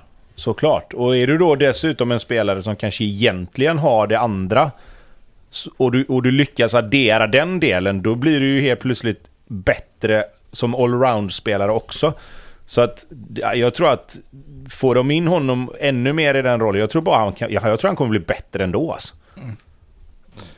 Sen måste Eh. man ju också säga det, alltså Värnamo det, eh, uff, det känns inte starkt alltså. Jag, mot Mjällby, det bara var runt, runt. Nu skapar de i alla fall någonting mot, eh, mot Norrköping, men de har gjort två mål, båda är självmål liksom. Och målvaktsingripanden, ja, nu har han gjort tre på tre. Ja, det går ju inte att vinna Eh. matcher då, det är omöjligt. Men ärligt, alltså det i den här, det, jag tycker det ser helt sjukt ut. Han ser ju att han, är, han kan nicka den åt alla möjliga jävla håll förutom just där en Norrköpingsspelare står. Fast han, här, han försöker nicka ner den till sin egen spelare men bara är för dålig ju. Ja, det är ju, det är för fan, jag nickar bättre. Men ska inte målvakter bara hålla sig i straffområdet och göra sitt? På mållinjen va, till och med. Ja, Nej men här, typ. jag tycker han kommer ut rätt. Men han får ju nicka undan den så långt han kan bara. Jo, men han är ju målvakt av en anledning. Men så, det är dessutom så att det är väl två Norrköpingsspelare som är först, eller eh, Värnamo-spelare som är först på den bollen, så han behöver ju inte gå ut där heller. Jag kan eh, komma ihåg fel där men... men Nej, men jag säger så här, jag säger ingenting om att han har en spelstil och att han kommer ut där. Det, det, det tycker jag egentligen inte gör någonting. Sen kan det vara så att okej, stanna i målet som du säger Blomman, så kan de nicka hem den och så kan du skicka iväg den. Men samtidigt har han bestämt sig för att gå ut så gå ordentligt liksom. Men däremot, nicka bollen så långt du kan. Du ska ju inte nicka ner den till någon där. Men det blir ju en inte in i otrolig... planen. Nej, och det blir en otrolig frustration för övriga spelare som... eh, Man Nej. vet att okej, vi har inte gjort... Vi har gjort ett mål hittills, självmål. Och så börjar vi med att släppa in ett sånt mål. Det blir ju en Nej, så nej. ruggig jävla Och dessutom, när han då har gjort de här majerna som han har gjort de här två matcherna innan, då spelar man väl ännu enklare. Ja. Avsaknad av självinsikt låter det som. Blomman, du hade hållit kvar ett lag i Allsvenskan. Det hör man. Målvakt inom straffområdet och inte, spelar inte in något i planen. Nej men det är ju sån inflation. Det här liksom att prata så här, han är bra målvakt för att han är bra på fötterna. Det är liksom det första argumentet man använder nu för tiden. Men det kan ju vara bra om man kan rädda bollen också. ja, jag är ruggigt trött på det där också. Jag, jag, jag, jag köper inte det. Det första för en anfallare är att du ska vara bra offensivt. Inte att du ska vara duktig på att pressa, en Pressa backlinje. Eh, det första för en målvakt är att du ska stoppa skott. Du ska se till så att det inte blir mål. Eh, om du dessutom då är en duktig fot, eh, alltså passningsspelare, ja perfekt. Men är du inte det så gör inte det. Målvakterna är de nya tiorna, eller hur var det? Ja, har jag sagt det eller? Du skrev det i gruppen. Ja, för det är ju ett helt sjukt, eh, nu eh, lite outa men jag träffade några målvaktstränare och så var det en kille som sa att ja, men målvakten är de nya tiorna, det, det klarar jag inte av att lyssna på så det var bara resa så går därifrån. Det- Kan vi outa vem det här är? Nej men det, alltså det, det är ju också typiskt målvakter. Nu låter det som att jag hatar alla målvakter i världen, så är det verkligen Det gör inte. Det gör du ju också, ja, precis. Nej men det, det, där är ju hybrisen total. Det är så här, men nej, jag, jag klarar det inte ens. Jag blir arg när jag tänker på det. Vad heter han? Eh, eh, Bogsjö, eller vad heter han? Nej, han är det inte tror jag. Nej, nej, nej, Nej, verkligen nej, inte. nej, nej, det har nej. jag Men jag otroligt menar, svårt att få ihop. nej, nej, men jag menar, jag, det jag skulle komma till är liksom, alltså förut var det eh, han, och nu är de de nya tiorna. Ja. Men, Det är en eh, utveckling är som skev- omöjligt kan ske även på 25 år. det Fast sen är det så här med, det fanns, ju, det fanns ju faktiskt målvakter för 10-12 år sedan, det finns det ju fortfarande såklart, men jag menar titta på sådana som Per Hansson och Isak Pettersson som var bra på båda grejerna, men också för att de visste vad, när de skulle göra vad. Och Nej, Jag tycker så här, ska man, ska man hålla på så då får man löpa hela linan ut och då ska det vara så här målvakter som ska ta straffar och lite så här Sydamerika-style också. Chilavär. Ja, med Rodrigo Ceni och alla de här. Det finns ju alltid någon i en, en division i Sydamerika som tar straffar. Men- eh, sen så, nu gnuggar inte jag Premier League varje helg, men eh, vad heter Citys keeper? Ederson. Ederson. Han är ju helt otrolig. Han hade ju kunnat spela, alltså om man tar bort alla andra grejer och bara liksom ser till touchen och passningsspelet, hade ju han kunnat spela 10 i alla allsvenska lag. Han hade kunnat sätta in istället för Ja, Robin 10. Det, det, det är någonstans där problemet är också. Att, ska man kolla på de absolut bästa målvakterna i världen. Det hade varit rätt oschysst att jämföra typ eh, Nyman med... Kom Ja, på. Haaland, ja. Men du ska spela som Haaland. Men vad fan, Ja, exakt. allsvenska målvakter ska inte spela som Ederson. Nej. Så Det enkelt är det- det. på, tal, var- på tal om att spela som någon annan, det sa faktiskt våran kinesiske tränare till oss eh, första året jag var i Kina. Då satt vi och kollade på Barcelona en gång, en halvlek varje torsdag morgon. Och sen så sa han till våran vänsterytter, "Va- spela lite mer som Messi. Ah, fan. Jag ska bli tränare i Kina. Eller hur? Jag gör det. Ja, en Sista grejen när vi lämnar den här. Sigurdsson, måste bara säga det. Jag var ju, ni höll ju inte med om det. Jag tyckte inte att han var liksom så jävla dominant mot AIK som alla ville få det till. Men eh, i den här matchen så... Eh, han har ju någonting som, jag vet inte om det är någon mer i Allsvenskan som har det, men liksom trocklandet ur trängda situationer. Att han liksom går in där det är trångt och ändå kommer ut ur det. För att det är där det skapas grejer. Är han ju på en, i alla fall i Norrköping, på en egen nivå. Men han är ju en sån spelare som lockar till sig uppmärksamhet, löser situationen och så är det öppet överallt sen. Eh, och det är ju en otroligt bra egenskap såklart. Och att han är ju så bra på det så att även om de så här, vi sätter två gubbar på honom, det är öppet på någon annan spelare, så spelar de ändå till honom. För Ja, att de och sen vet att han löser det. Precis, och sen är det nästan tvärtom med sådana spelare som är så bra att är det värt att sätta två spelare på honom för att det ska bli öppet på andra ställen liksom? Då kanske det är bättre att låta han vara en mot en och så får man liksom lösa och, och se till att markera alla andra sen istället. Elfsborg-Brommapojkarna. Här kommer ytterligare en halvtimme med fokus på ett lag, eller Lasse? Eh, ja, alltså... Eller här, här, ska du få, här ska du få något att bita i. Var det Elfsborg som var bra, eller var det Brommapojkarna som var dåliga? Eh, Ja, det är också jävligt svårt att svara på. Men vi pratade ju om att, eller jag sa att Elfsborg skulle få islossning och det kändes ju verkligen så. De har skapat tillräckligt med chanser. De har sett ganska giftiga ut trots att de inte har gjort mål. Och så mot ett, mot ett BP som såg ut som små pojkar och som spelade naivt som få. Ja, det är klart att de skulle få utdelning där. Sen var Elfsborg bra också. Eh, och sen det är lite så här. Eller jag är väldigt imponerad när man har 2-0 i halvtid eh, man känner att men, det här är rätt lugnt. Så går de ut och bara totalkör i andra halvlek. Gör 3 och 4 också. 5. så blir det en slakt istället för att ja, vi vann 2-0 mot BP på hemmaplan. Men kan du... På Kan tal du om målvakter så borde fokusera på att vara målvakt ja, och inte något annat. men alltså kan du förstå hur man som BP då åker till Borås Arena oavsett liksom när man kommer dit så är det ju en tuff match. Men framförallt när då Elfsborg inte har gjort mål på två matcher.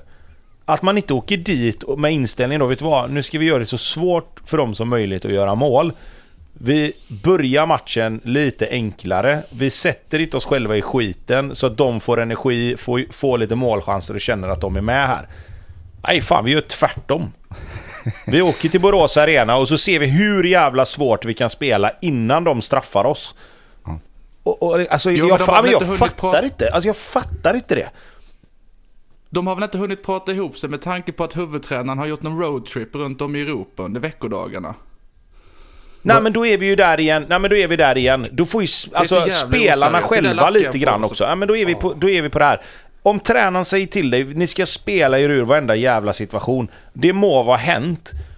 Men du har ju också någon sorts eget ansvar och lite liksom, alltså självinsikt som spelare. Att vet du vad, här kan inte jag spela en kort passning för det finns ingen kort passning här. Då får jag sätta en lite längre pass.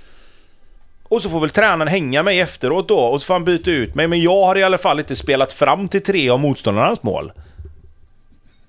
Nej men jag fattar liksom inte när man som BP då kommer med två raka torsk och möter ett lag som har lite ändå så här. det finns ju ändå någonstans i huvudet på Elfsborgsspelarna att fan vi har inte gjort mål på två matcher här nu. Men och så alltså, bara står kommer man ut och 0-0 ger bort matchen. Står det 0-0 efter 25 minuter, då kommer Elfsborg få problem. 100%. Ja, alltså det- Elfsborg spelare är ju så pass bra att de kommer ju vaska fram lägen själva. De behöver inte få lägen av BP-spelarna liksom. Nej, och det var ju, alltså på tal om pressspel då, så de- tre där framme, Ondrejka, Bernhardsson och Frick springer ju livet ur sig första 20 minuterna. De får dessutom utdelning, allting går ju precis deras väg. Och det är ju tack vare att, ja, att de gör det bra såklart, men att BP är totalt idiotiska i det uppbyggnadsspelet. Ja, ja. Och, och sen, alltså det som Elfsborg sen gör är ju att det de gör i den här matchen när de vinner bollen, det är att de straffar BP. Ja. Och det är ju det man måste göra. Du måste straffa lagen som spelar så dumt. För annars spelar det ju ingen roll, då kan de ju fortsätta spela. Hade inte Elfsborg gjort mål på sina målchanser så hade BP fortsatt spela och till slut kanske de hade löst det några gånger. Och så hade det varit chanser åt andra hållet istället. Men jag menar, det är... Ja, jag vet inte. Jag blir bara irriterad. Jag känner eh, att eh, min eh, upp med en mittback på innermittfältet och spela enkelt kvarn står i en jävla fors här. Alltså, Ja, det, det finns ett sätt för Brommapojkarna som ligger närmre än vad de tror. Hur man inte förlorar en sån här match på förhand.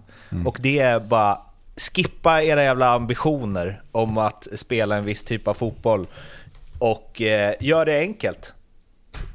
Så Nej, blir men det jag inte så här. så här. För att, för, och jag säger inte det, liksom, jag älskar allsvenskan, men för att det finns inget lag som är så liksom sjukt mycket bättre så att du inte åtminstone kan ge det en chans genom att eh, spela på ett eh, tråkigare sätt.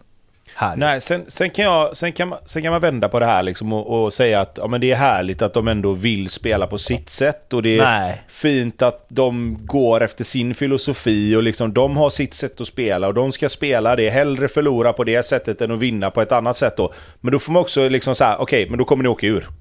Då kan vi bara slå fast det. Men vi var inne på det i lagavsnittet också, att eh, alltså för att de ska hålla sig kvar så behöver de ju vara lite mer cyniska. Det går inte att, att göra exakt samma sak som man gjorde i Superettan med i stort sett samma spelare. Så det kommer inte funka på allsvensk nivå och det är ju precis det de gjorde nu. Alltså för vissa eh, menar ju på att ja, men om du ska komma dit, att du ska kunna vara ett spelare, då måste du ju också vara ett spelande lag hela tiden och Jo, men det finns förlora ju längs vägen och till slut blir du tillräckligt bra på det och bla bla. Fa, alltså fy fan för sånt. Nej, Det men är så här- alltså så här, du måste Det, ju, handl, du måste skaffa det handlar dig... väl inte om det? Det handlar väl inte om att så här, om, ett, ett, om vi spelar så här nu och åker ur, då kan vi bli ännu bättre på det nästa år och sen kan vi gå upp och så då kanske vi till... Det handlar väl om så här, vinn, eller var så bra som möjligt nästa match.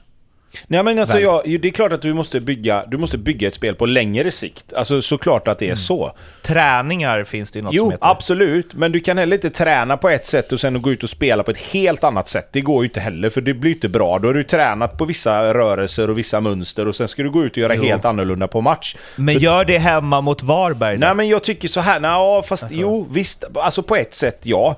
Men, men det jag tycker man måste, det, det man måste börja med på något sätt, det är ju att du måste ju inse var någonstans i den här hierarkin i Allsvenskan du är. Okej, det spelet vi spelar, kommer vi hålla oss kvar med det spelet?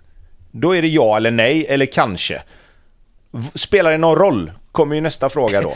Ett, Nej men alltså spelar det någon roll om vi är kvar i Allsvenskan eller inte? Ja, det spelar roll. Då kommer du tillbaka till den första frågan. Kan vi spela det här spelet i Allsvenskan eller inte? Nej, det kan vi inte. Då testar man det. Och det, nej, det går inte. Okej, det funkar inte. Vad gör vi nu? Ska vi skrota det helt eller ska vi bara skruva ner det ett par hack? Att vi försöker ta oss över halva plan kanske innan vi börjar och liksom spela tiki-taka. Man måste kunna rulla sig ur vissa situationer, absolut, men inte till vilket pris som helst.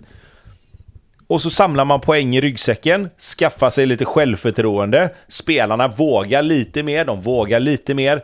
De märker att okej, nu börjar vi kunna spela bort vissa lag här. Nu kan vi gå lite mer, vi, vi, vi chansar lite till. Aj, pang, 0-4 i arslet mot något lag. Aj, får vi ta tillbaks det lite grann igen. Men här är det ju liksom bara, nej men vi ska spela bollen, vi ska ha 10 passningar in i eget straffområde. Ja, det står 2-0 till Elfsborg nu. Nej, det spelar ingen roll. Jag vill gå tillbaka till eh, det Blomman sa i början. Det, det känns ju som att det är Mellberg som har varit och kollat eh, City Bayern München. Och bara, nu gubbar. Så här Jag vi var, eh, jag var i Manchester i veckan, såg en grej. Så här ska vi Men lira. eh, vadå, är det bara jag som tycker att det är så... Nej, jag det höll på att tappa hakan när jag såg att, jag bara va? Är inte eller jag tänkte så här, bara, fan är inte han tränare i BP? Men det måste ju vara... Och så blev jag lite osäker. Det att, här, måste jag ju vara något att han har fått OK från BP och göra färdigt den här säsongen och att det är, det är liksom inte så att han bara, nej men vet du vad, jag kommer inte de här två dagarna nu. Nej, såklart, men vad, det spelar väl ingen roll, eller? Han är ju inte där. Eller så här, Skit, i- det skit spelar i ingen hans roll. morsa eller vem som gett han tillåtelse att åka till Manchester liksom. Men han är inte där. Nej. Nej, jag, jag, du- alltså så länge, han har, så, så länge de har förankrat det med spelarna och att alla har varit okej med det så kan inte jag, då kan inte jag bli upprörd över det. Sen är inte det någon idealisk situation givetvis. Men jag, Nej, jag, kan inte, jag, kan inte jag kan inte liksom bli irriterad utan att veta vad, vad villkoren är. Äh, jo, det kan, så här är det. Som tränare ska man själv säga, hörni, alltså det är jävla kul det här att åka runt och kolla fotboll och eh, sitta i TV. Men jag har fullt fokus på er grabbar, så ni ska inte ens behöva liksom sättas Jo, i jag, situationen. jag säger inte att Det jag hade gjort likadant, men jag säger bara att utan att veta vad de har kommit överens om.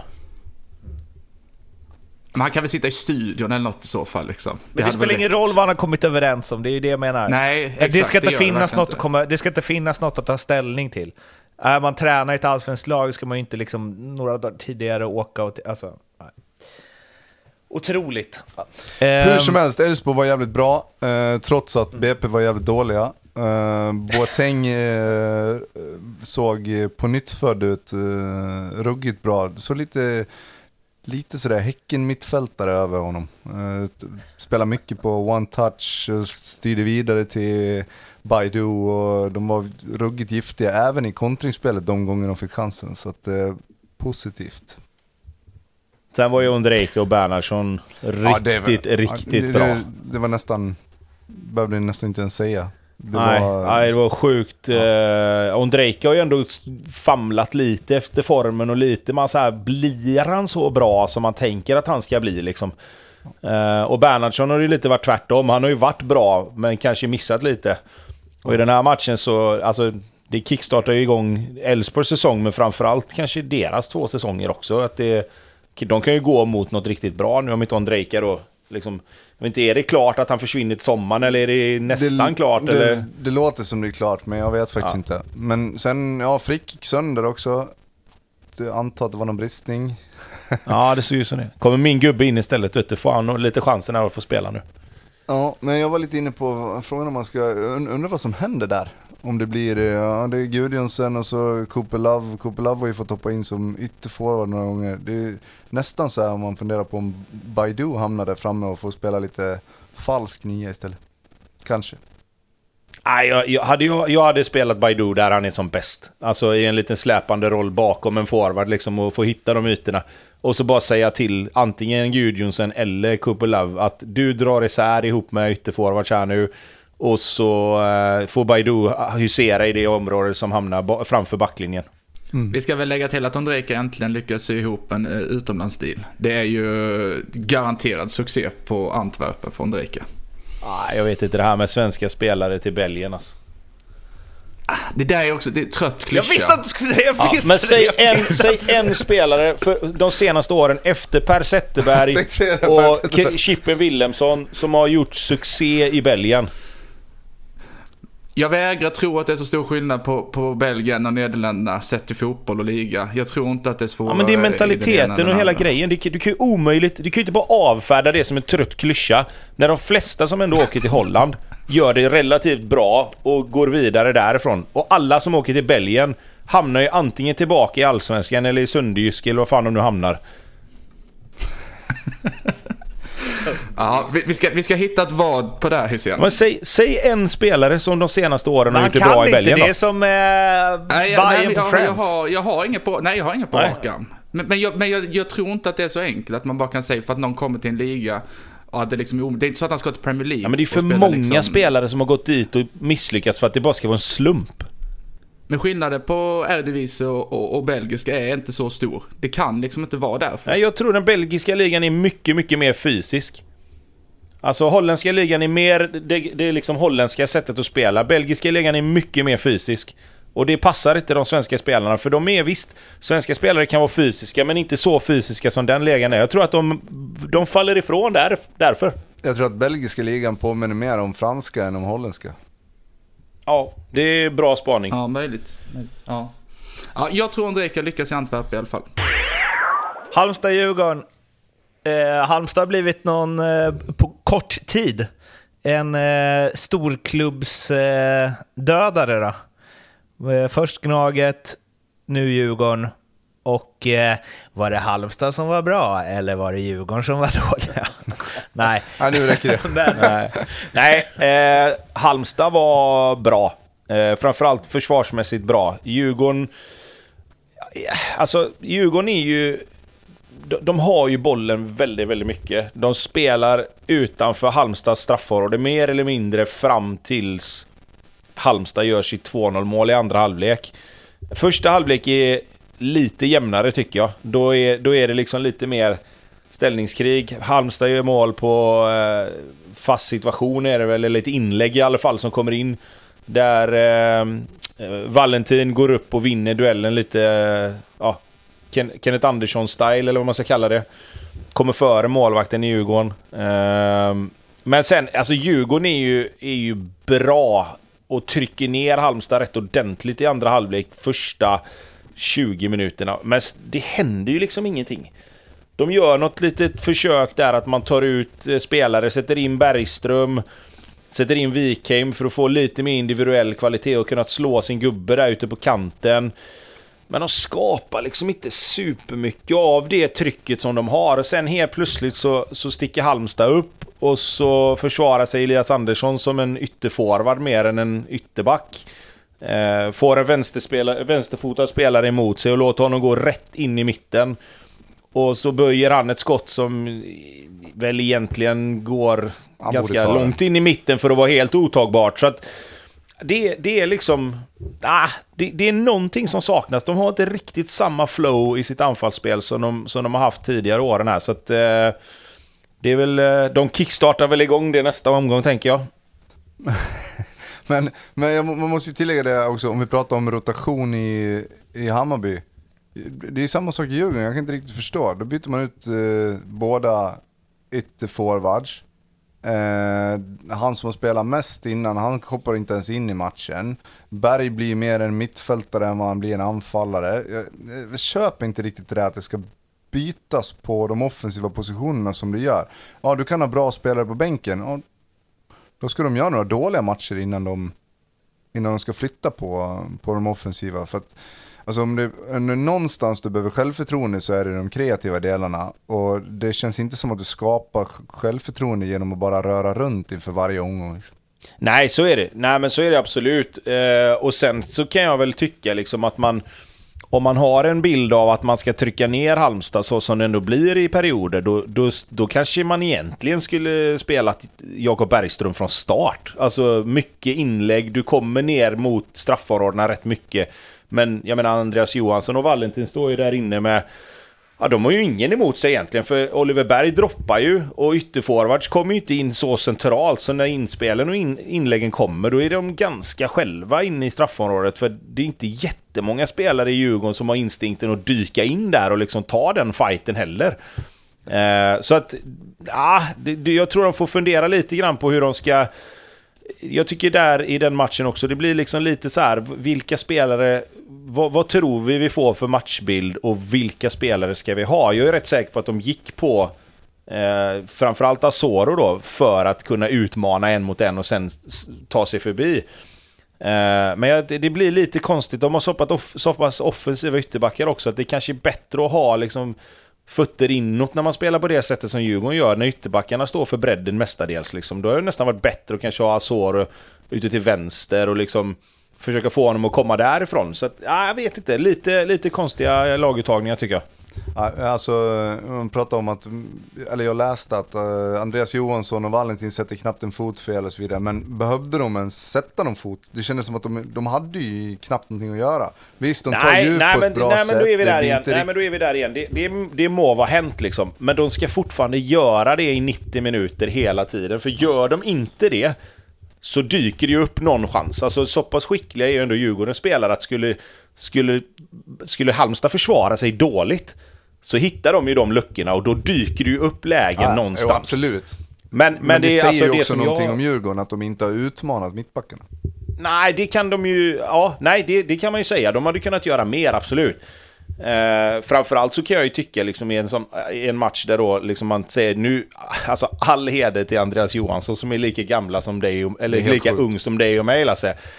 Men har du Andreas Johansson som mittback i ett lag, då vill du väl att det laget ska komma upp lite i plan för att kunna spela in bollar bakom honom. Du vill ju inte att han ska få stå runt sitt eget straffområde, för där är han ju fortfarande bland de bästa i Allsvenskan på att läsa spelet. Definitivt. Bra med bollen, styr sin backlinje, pumpar upp och ner liksom. De sitter ju ihop som, alltså som en enhet verkligen de. Ja, så att 100%. där är han ju grym. Och han har ju fått, vem som än spelar bredvid honom så får han ju honom att bli bra. Alltså nu börjar han ju bli som Alltså Une Larsson nästan i, i Djurgården där, att den som spelar bredvid Une Larsson blir hur bra som helst.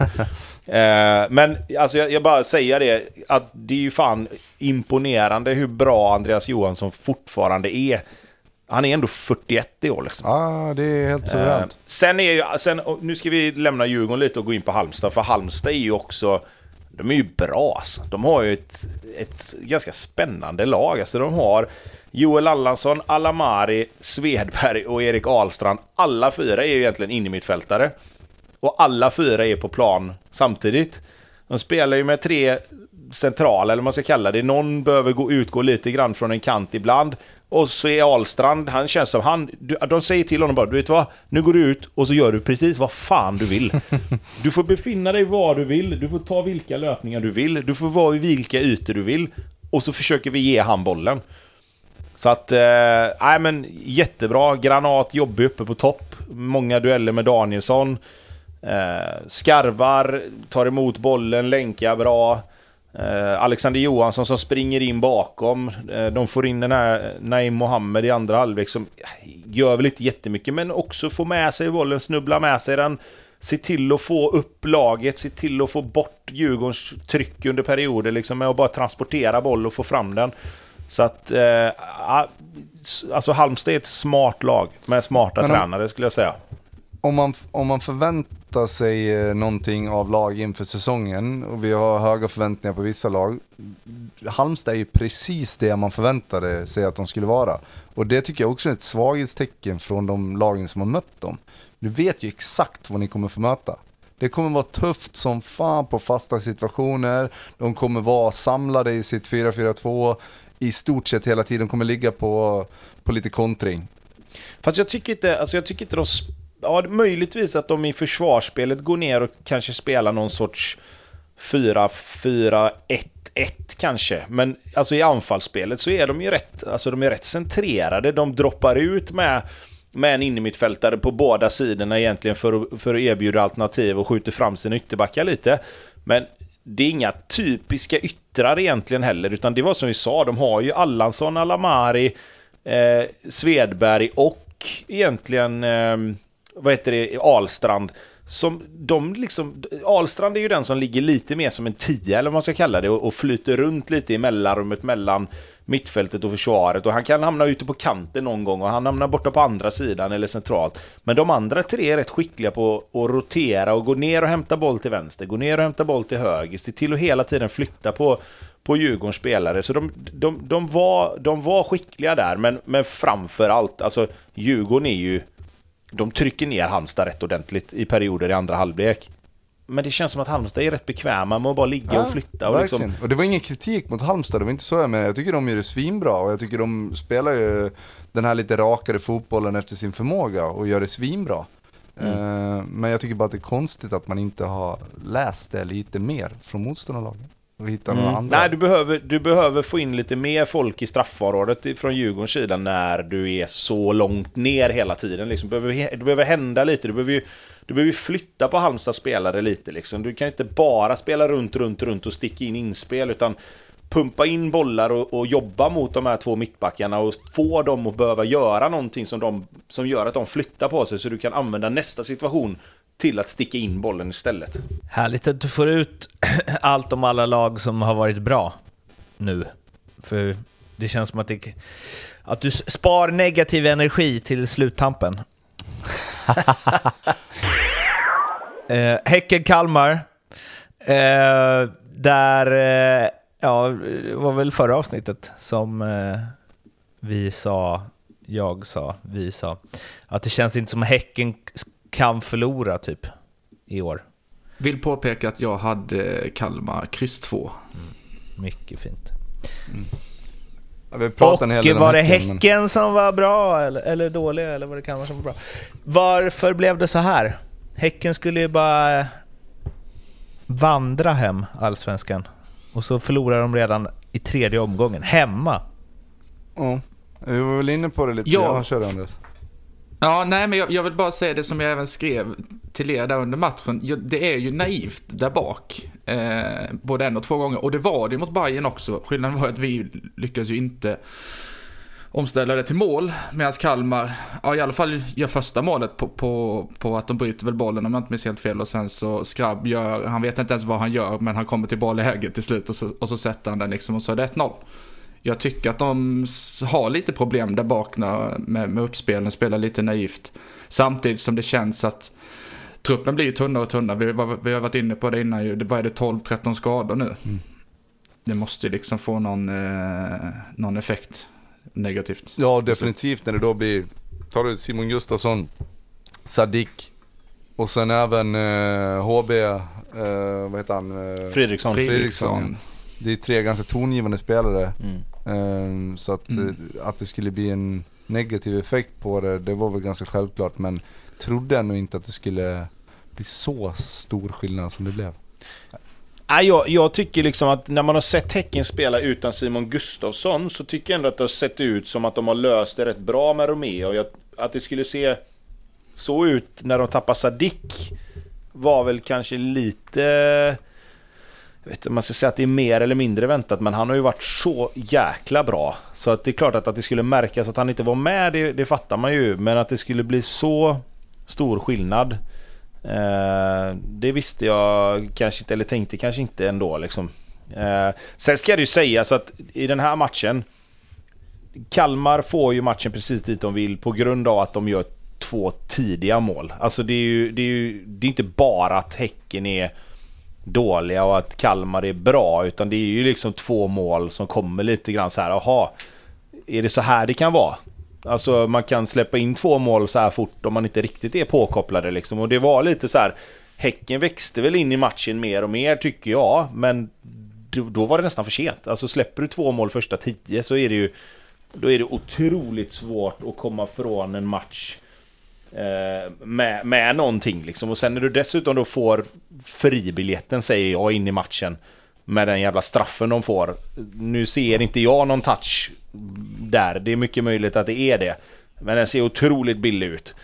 Eh, och då blir det ju så här också att gör han mål där Rygård, då kan det ju bli åka av åt andra hållet liksom. Men ja. när de då missar den straffen så får ju Kalmar den energin att liksom, fan det här, vi kan, vi kan ta detta liksom. Det här har vi jag tyckte man fick känslan där när de väl gör 2-1 att nu kommer Häcken, nu kommer det bli åka av. Och sen nästan lika fort så blir det 3-1 och då är det ju avgjort. Men, eh, men ja, Kalmar gjorde det bra liksom. De utnyttjade ju de chanserna de fick också. Och det har de ju inte gjort tidigare. Mm. Nej, och, jag skulle säga att utifrån förutsättningarna så, så alltså, Henrik Jensen gör ju taktiskt sett en jäkligt bra match, skulle jag säga. Man kan, man kan skylla på att Häcken har mycket spelare borta och liksom så här, men om man tittar på deras laguppställning så är det egentligen bara det är bara eh, Pontus Dabo som är 17 år som spelar högerytter istället för Sadik då. Det är bara han egentligen som inte har... Han är dessutom rätt bra i matchen. Ja, ha, ja, precis. Där var ju inte problemet egentligen om man säger så. Sen är det klart att det är svårt att säga att han ska gå in och ersätta Sadik Alltså, nu är vi där då, han får ju spela sitt spel. Alltså så. Men jag menar, du sätter ju ändå in Tottland, du sätter in Simon Sandberg liksom.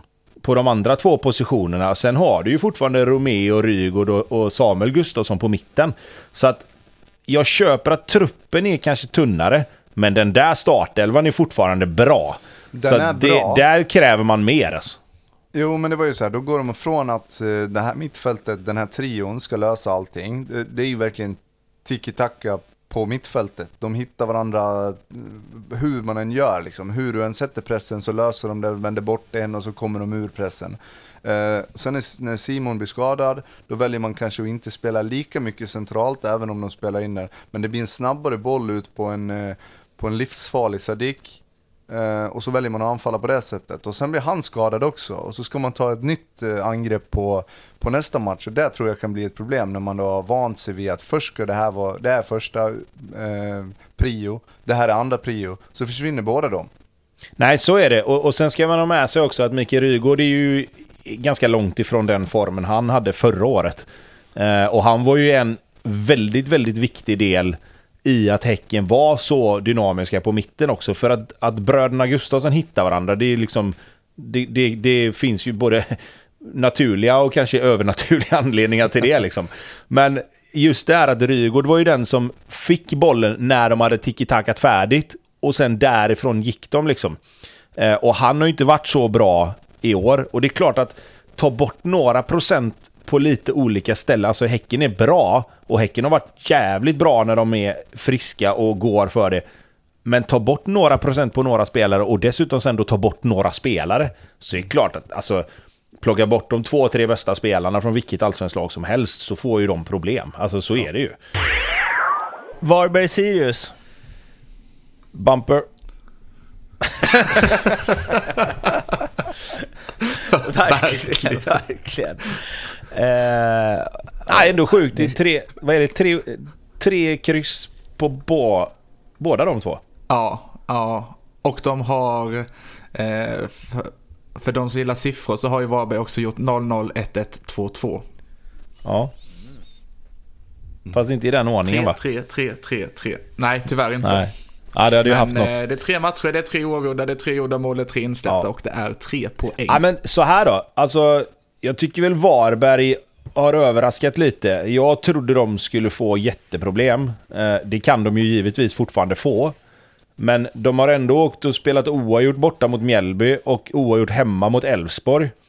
Så att det är ju två poäng jag tror de tar alla dagar i veckan liksom. Eh, sen den här matchen hade de ju faktiskt... Den hade de kunnat vinna. Det gamla Varberg hade vunnit den här matchen tror jag. Eh, de hade stängt vid 1-0 och så hade de kontrat in och haft lite spetsigare framåt. Men... ehm, nej, det är hyfsat rättvist. Eh, jag tycker Sirius har väl de kanske hetare målchanserna, men Varberg är nog så bra i sitt tunga spel. Liksom, så att, ja, jag, jag tycker väl ändå att det är ja, rättvist någonstans. Även om jag kanske... Ja, Sirius har några chanser som är lite vassare kanske. Ni vet vem som gjorde mål för Varberg va? Jajamän. Jockis grabb. Jajamän.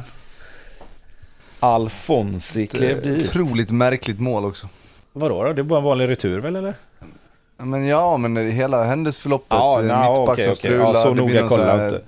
Springer rätt in i varandra typ. Highlightsen sträckte sig inte till dess. Nej. Nej men precis. Nej men alltså, det, det finns ju lite jättemycket mer att säga. Matthews har ett friläge där målvakten gör en bra räddning, han försöker gå runt han. Eh, mm. Det, det är ju en boll att dansa på mållinjen i slutet och det kunde väl blivit att, att eh, vad heter det? Sirius vinner där. Men eh, nej, jag tycker det är Varberg tre, tre raka vinster. Man kan, eller tre raka kryss, förlåt. Ja, obesegrade eller utan vinst. Det är ju, är glaset halvfullt eller halvtomt? Mjällby-Degerfors. Ehm, 2-0 till Mjällby, eh, som sig borde. De kanske... För Mjällby är det laget jag kommer svänga mest kring i år, tror jag. Mm. I alla fall första tio omgångarna.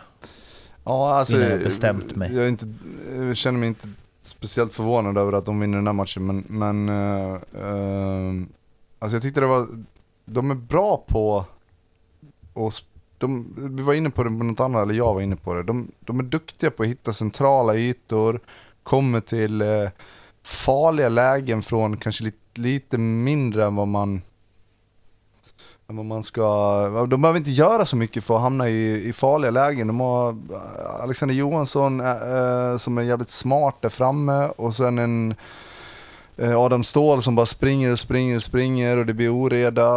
Äh, sen har de ju även ett jävla sparkapital, han kom in i andra halvlek tror jag, ehm, i Rosengren som, han är för skön alltså. Det ser inte ut som pojken har varit stressad i hela sitt liv alltså. Så att eh, Mjällby blir det ändå att räkna med. Tillägg? Eh, nej, inte egentligen. Andreas, jo eller Andreas Johansson, nu, nu är han inne i min hjärna och rotar här. Eh, Alexander Johansson, eh, mål igen. Visst straff, men fortfarande mål. Tror att det är viktigt för Mjällby att han fortsätter att producera. Eh, Adam Ståhl gör ett jättefint eh, nickmål, kommer in på värsta forwardsmaneret in framför sin spelare och bara trycker trycker ner nicken i, i bortre hörnet. Så att, eh, nej, eh, Mjällby typ lite grann gör det man tänker att de ska göra som du sa Lasse. De vinner den här matchen med 2-0. Det är ingen superprestation på något sätt och, och liksom sådär. Men de är stabila och vinner de matcherna de ska vinna liksom. Om vi bortser från att de tappar första mot Varberg så, så tycker jag ändå de, ja, de gör det bra, tycker jag. Sen måste jag bara tillägga det också, det var diskussion om Anders Christiansen, om att han filmar till höger och vänster och det, det faller lätt. Gustafsson i Mjällby har två superfilmningar, får inte gult kort för någon av dem, båda två i straffområdet. Enligt mig superfilmningar. Jag, jag har inte sett, eh, det är svårt att veta om det är någon touch på, på, på någon av dem, men det ser verkligen inte så ut. Men det får, det får inga rubriker. Utan det är AC som ska ha all skit hela tiden. Liksom. Du får nog förtydliga vilken Gustavsson vi pratar om. Det finns ju två i ja, för Antingen så bryr sig inte Andreas alls, eller så är det hans kusin du snackar skit om här nu, så då skickar han folk hem till dig men fan ska jag kunna komma ihåg alla jävla namn? Jag vet att det är Gustavsson i efternamn. In i mitt fält är det, det får man fan, alltså med tanke på... Uh ditt efternamn så tänker jag ändå att, här, att man klump... Ibland kan det inte, man kan inte, alltså heter man Gustafsson, Nilsson, Johansson och så vidare, då ibland åker man med på någon annans misstag. Så är det bara. Rädda ändå det med, vad fan vet jag, han är ju inne mittfältare. Precis som att det är inte den andra. Men har han nummer 7 eller har han nummer 22? Det är det vi måste reda ut här nu. Ja, men du ska få det här nu. Uh...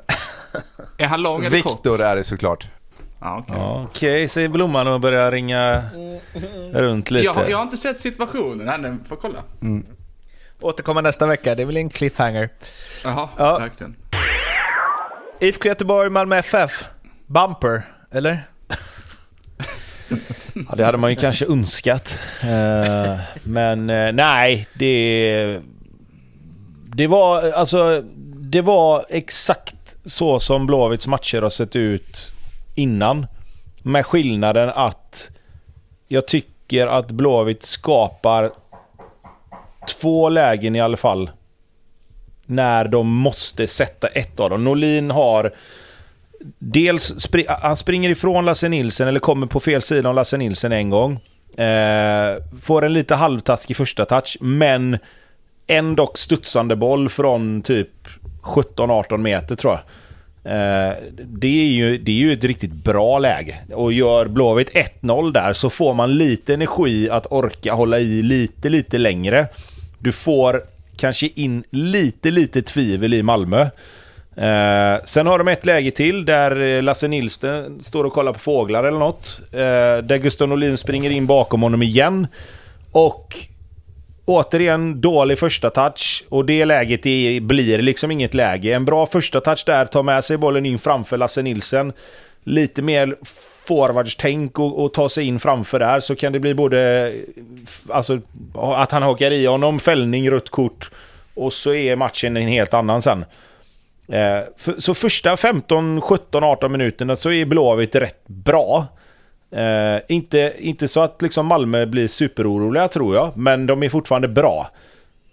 Och sen så kommer den här 20 minuters gränsen där de inte riktigt orkar mer och så smäller det åt andra hållet. De, försvarsspelet på målet, jag vet inte vad de gör. Alltså, det är, om vi pratar om EKG-kurvor här med vissa andra försvar. Det är någon som faller, det är någon som, som stöter.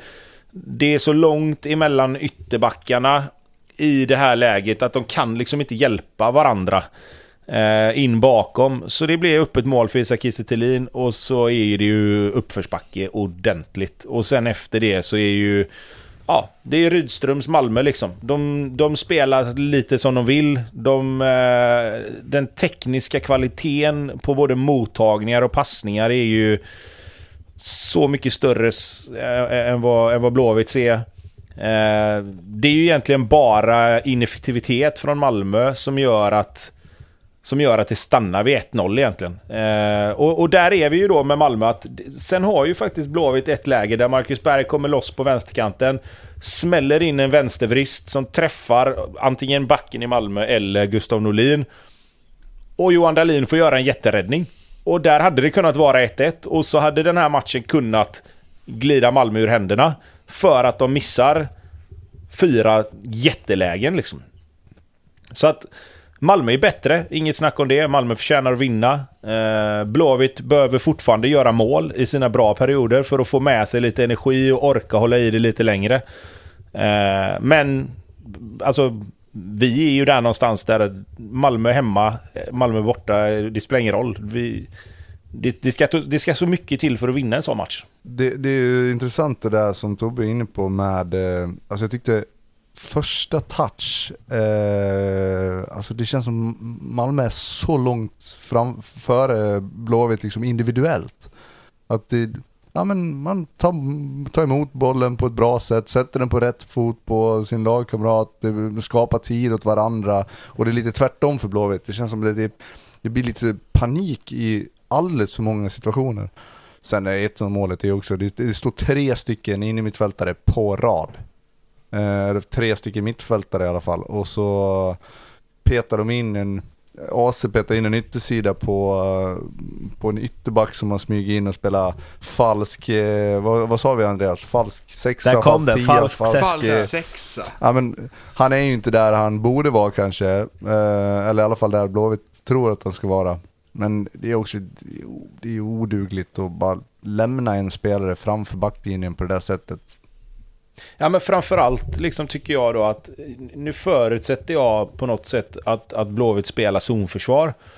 Vilket gör att då spelar det egentligen ingen roll vem som är var, utan du har ju din zon och då får du hålla koll på, är det någon i min zon? Du kan inte bara stirra dig blind på, okej, okay, nu vart är deras tre mittfältare? Ja, men de är här. Har jag en spelare som smyger in, då får man ju någonstans plocka upp honom.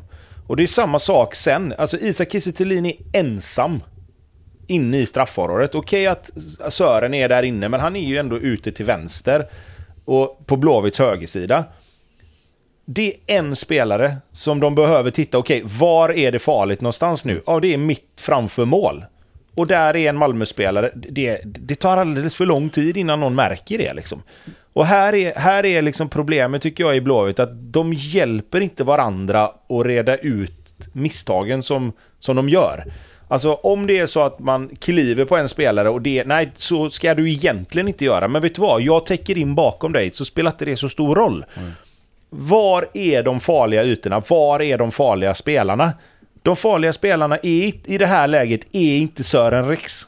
För han kommer, visst, en bra vänstervrist så kanske han gör mål därifrån. Men det ska ju mycket, mycket mer till än att Isak Kiese ska göra mål. Och därför får du plocka upp honom. Mm. Hur är Isak Kiese helt ensam inne i Blåvitts straffområde? Det, det är liksom... Tills de löser det så spelar det ingen roll hur bra de gör det framåt. Nu har de inte gjort det heller. Men det, men det, det kommer fortfarande... Blåvitt kommer ju till slut att göra mål hoppas jag. Men det kommer ja, ju inte, spela, helt hundra, ja, men det kommer inte spela någon roll om de fortsätter att försvara sig så som de gör. Nej, det där hålet mellan mitt, mittbackarna stundtals är ju gigantiskt också. Det har en Kiese och en eh, Christiansen som går i djupled mitt emellan mittbackarna ett par, tre gånger. Det är liksom ingen som ens har märkt att de är där. Nej, men, och sen också så här, det, det går ju att dissekera det här hur mycket som helst. Och jag, jag bara känner att det blir, man blir som en trasig skiva liksom. Det som jag var lite grann igår, det var att jag var lite kluven över liksom hur, hur den här matchen blev. För jag satt ändå, med tanke på att det står 1-0, så, så sitter jag ändå och känner att liksom, fasiken, kan vi vaska fram en hörna? Kan vi vaska fram en frispark? Kan vi vaska fram ett läge där vi kommer ner på kanten, ett bra inspel, en bra löpning. Liksom, vi, det går att hitta ett mål här någonstans. Liksom. Och det gör ju att man sitter och känner att Blåvitt är med i matchen hela tiden. De är med och, och liksom kan ta en poäng här. Med facit i hand så var det aldrig nära. Mer än att det bara är ett mål som krävs. Alltså det är ju ett, ett inlägg och en nick eller vad det nu kan vara. Så att så sätt så är man ju med. Men det gör ju också att hela, hela känslan efter matchen är att när jag ska sätta mig igår kväll och liksom reflektera över hur fan... Det kändes ändå helt okej. Okay. Det kändes ganska bra. Alltså, Blåvitt var ändå med i matchen. Det var bara, alltså, hade man bara kunnat vaska fram en chans och så tänker man bara... Fast det gjorde de ju inte. Så att... Ja. Nej. Forceringen uteblev ju definitivt, det kan man ju säga. Ja, men då är vi där. Det, ja, nu blir börja få... Nej. Vad gör Adam Kalén på mittplan i en forceringsfas? Ska Adam Kalén stå och slå bollar in i straffområdet från mittplan? Eller ska han vara den som är längst upp och stångas liksom? Det är också helt otroligt. Ja, ja skitsamma. Jag orkar inte. Då skiter jag ja, nu. Då, då går vi till nästa då. Eh, det finns fortfarande ingen, eh, ingen tränare Eh, eller teknisk direktör eller vad de nu väljer att kalla det.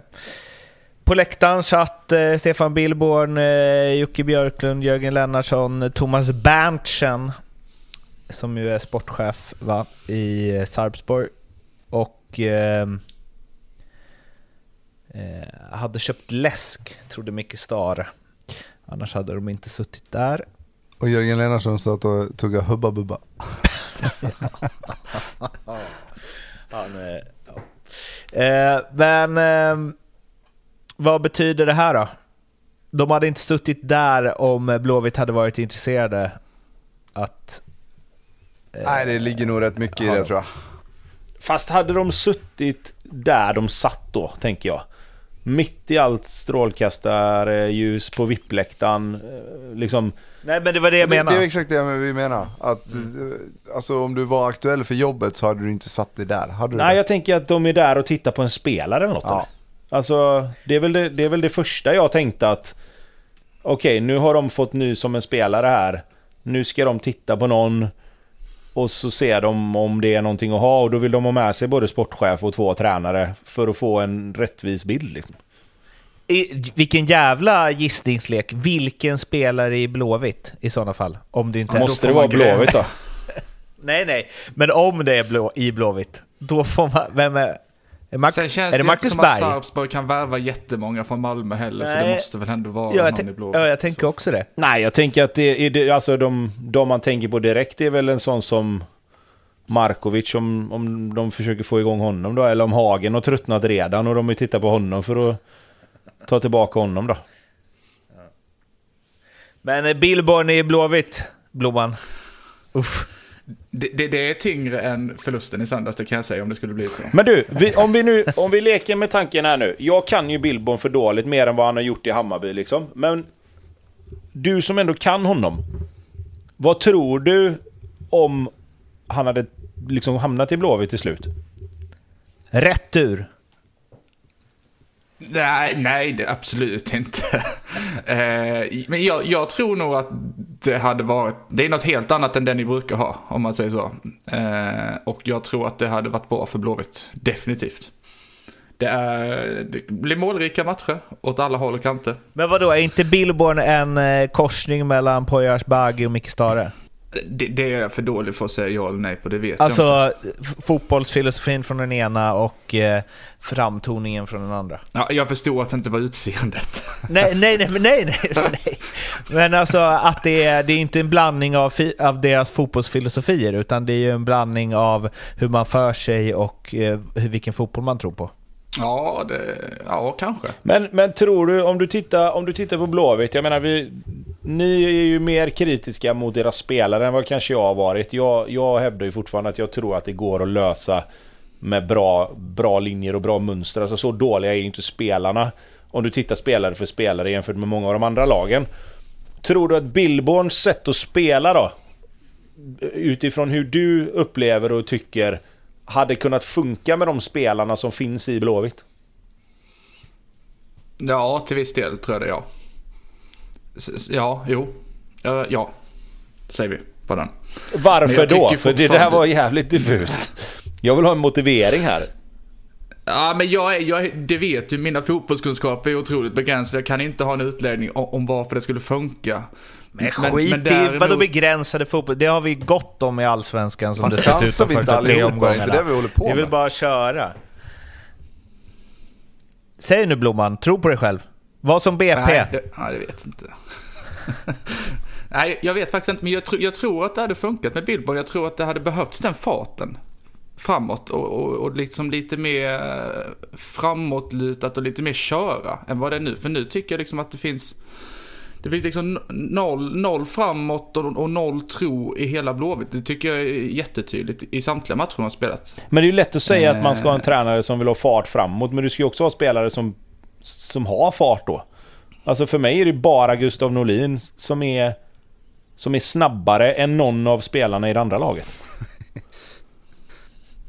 Det... Men jag tror att en sån som Markovic kanske hade funkat. Nej. På något sätt så tror jag i, under, under Jo men, men kolla vad det är nu då. Vilka på mittfältet, liksom Olsson, Eriksson, det blir inte mycket gjort. Nej, men det här med framåtlutat grejen, alltså det, fan vad det känns som, det känns också som Micke Stare-ord. Att vi ska vara framåtlutade. Alltså det är ju mer, det är ju något, jag vet inte, det är ju någon jävla inställning man ska ha. Att vara framåtlutad. Och det, det är ju jävligt sällan lag som går bra trycker på att vi är framåtlutade, det är därför det går bra. Det är ju någonting man slänger sig med när det inte funkar. Vi måste vara, vi måste, liksom, alltså, det är liksom en mild version av så här, vi måste göra mer mål. Nej men jag tycker vi bara måste, så här att, alltså, jag tycker bara så här också att man, man, väljer, alltså om, du, om jag bara ska haka mig fast vid det du sa där med att, man, att han vill spela med fart, då måste du ha snabba spelare ju. Alltså du måste ju ha spelare som behärskar och ha bollen och komma med bollen i fart dels springa med den men även kunna liksom på något sätt ta emot bollen i fart och, och liksom sätta passningar på spelare som kommer i fart. Det, det, är ju lätt att säga att man vill det, men har du inte de spelarna som kan... Alltså det handlar om att kunna springa fort. Och, och så jävla Frågan är ju om ni har... Frågan är om det finns ett tillräckligt bolltryckt mittfält, om vi säger så då, i Blåvitt. För att spela den fotbollen. Ja, nu är vi ändå inne på bolltryckt mittfält. Va, vad är det för jävla byte? Alltså Sebastian Eriksson var ju det enda som var bra på något vis kändes det som. Det tyckte jag i alla fall. Jag tyckte han var grisig och jobbig att göra med. Han var även den som levererade några vettiga bollar framåt, eh, några bra inlägg. Och... Han var ju egentligen den enda spelaren. Alltså Kalén tycker jag gör det man kan förvänta sig. Han är, han är stor och stark. Och, och liksom någonstans ändå gör... Nej men alltså så här då. I, de, I den matchen, så här. Sebastian Eriksson slår några passningar framåt som går åt helvete. Men han, han är också den enda som kan sätta en passning från halva halva in på bortre delen av straffområdet och så kommer det någon där. Det är ju nära. Han sätter någon passning till Gustav Norlin där det är jättenära att Norlin hinner fram. Får han en touch likadant som Sören Rex gör till, till Kiese där sen så är ju Marcus Berg fri in i straffområdet. Den passningen är ju ingen annan som slår. Nej. Man tänkte ju att Elias Hagen skulle vara en spelare som slår den passningen, men det gör han ju inte.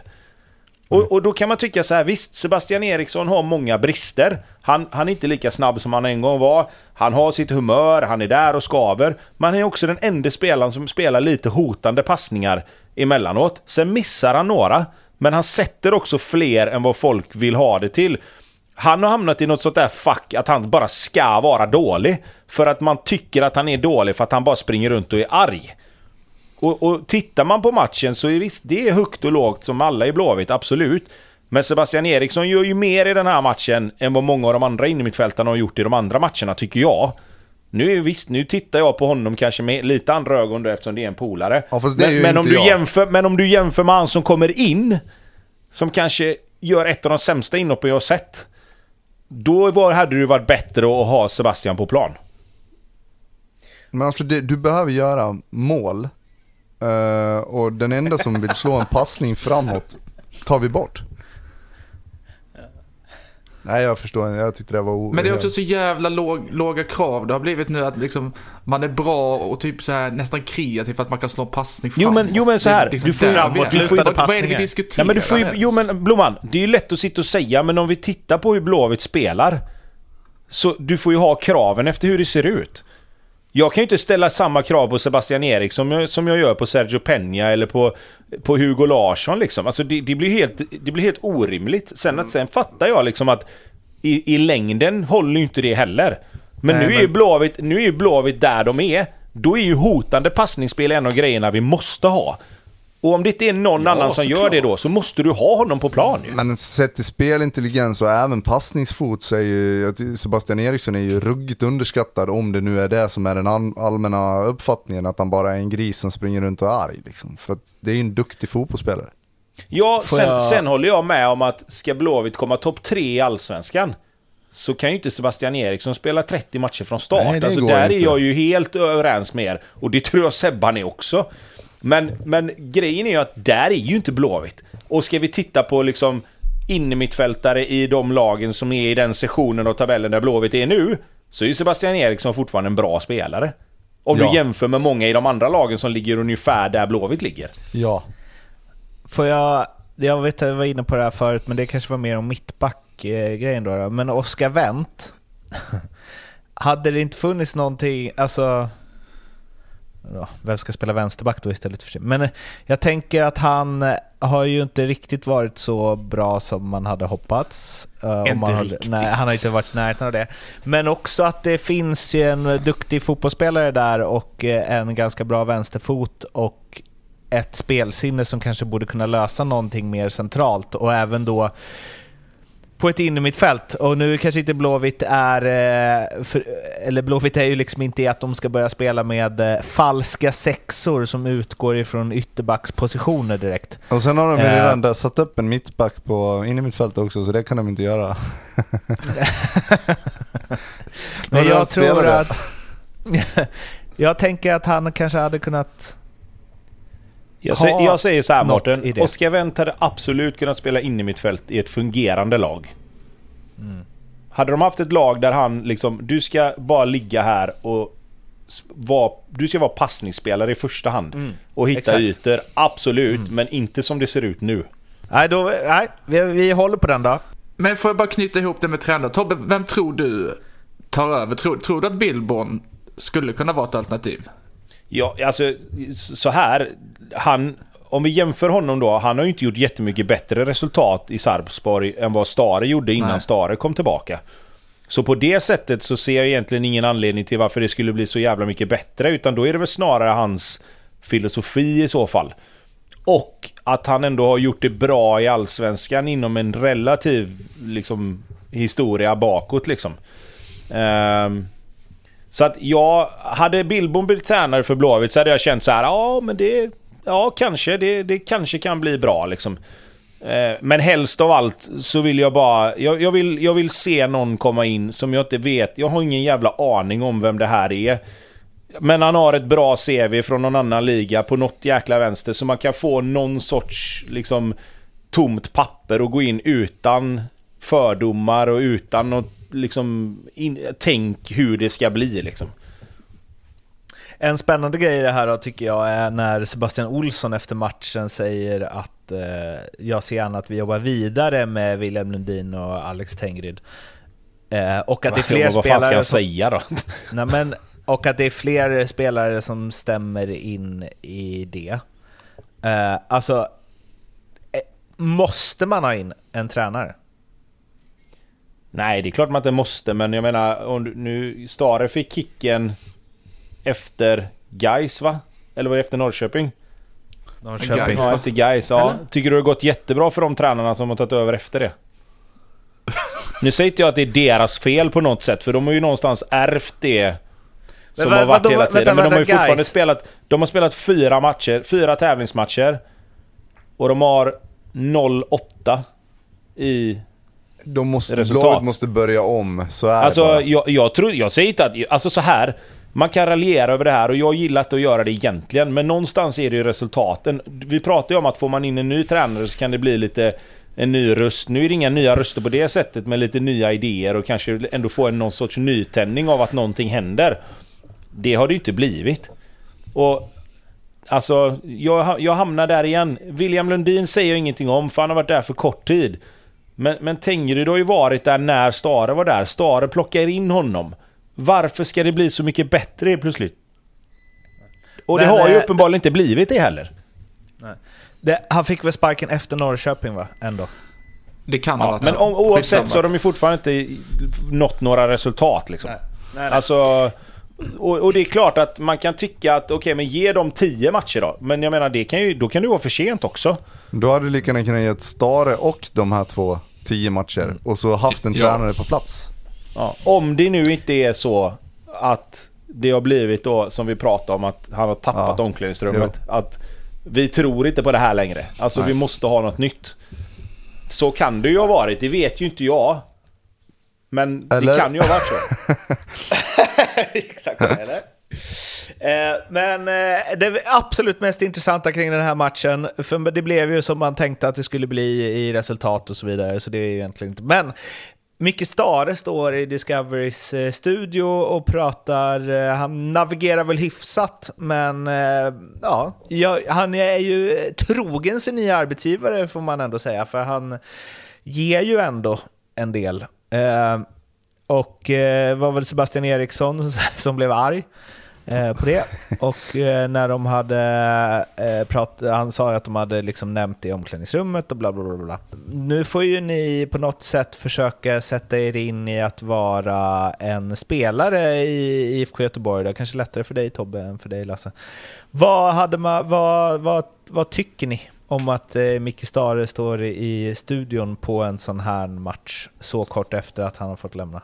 Men till att börja med så har han en ny arbetsgivare. Han har ju fått sparken från sin förra arbetsgivare. De säger att han ska vara på plats. Det är väl inte så mycket att snacka om där. Och sen tycker jag att, att eh, Sebastian Eriksson kanske borde fokusera på något annat än på att Micke Stare står i studion. Det var ju det var liksom inte det som, som gjorde att han, eller att IFK förlorade sin fotbollsmatch. Jag tycker fokus blir fel eh, och jag tycker att det blir eh, roligt tv så att jag tycker han ska vara där.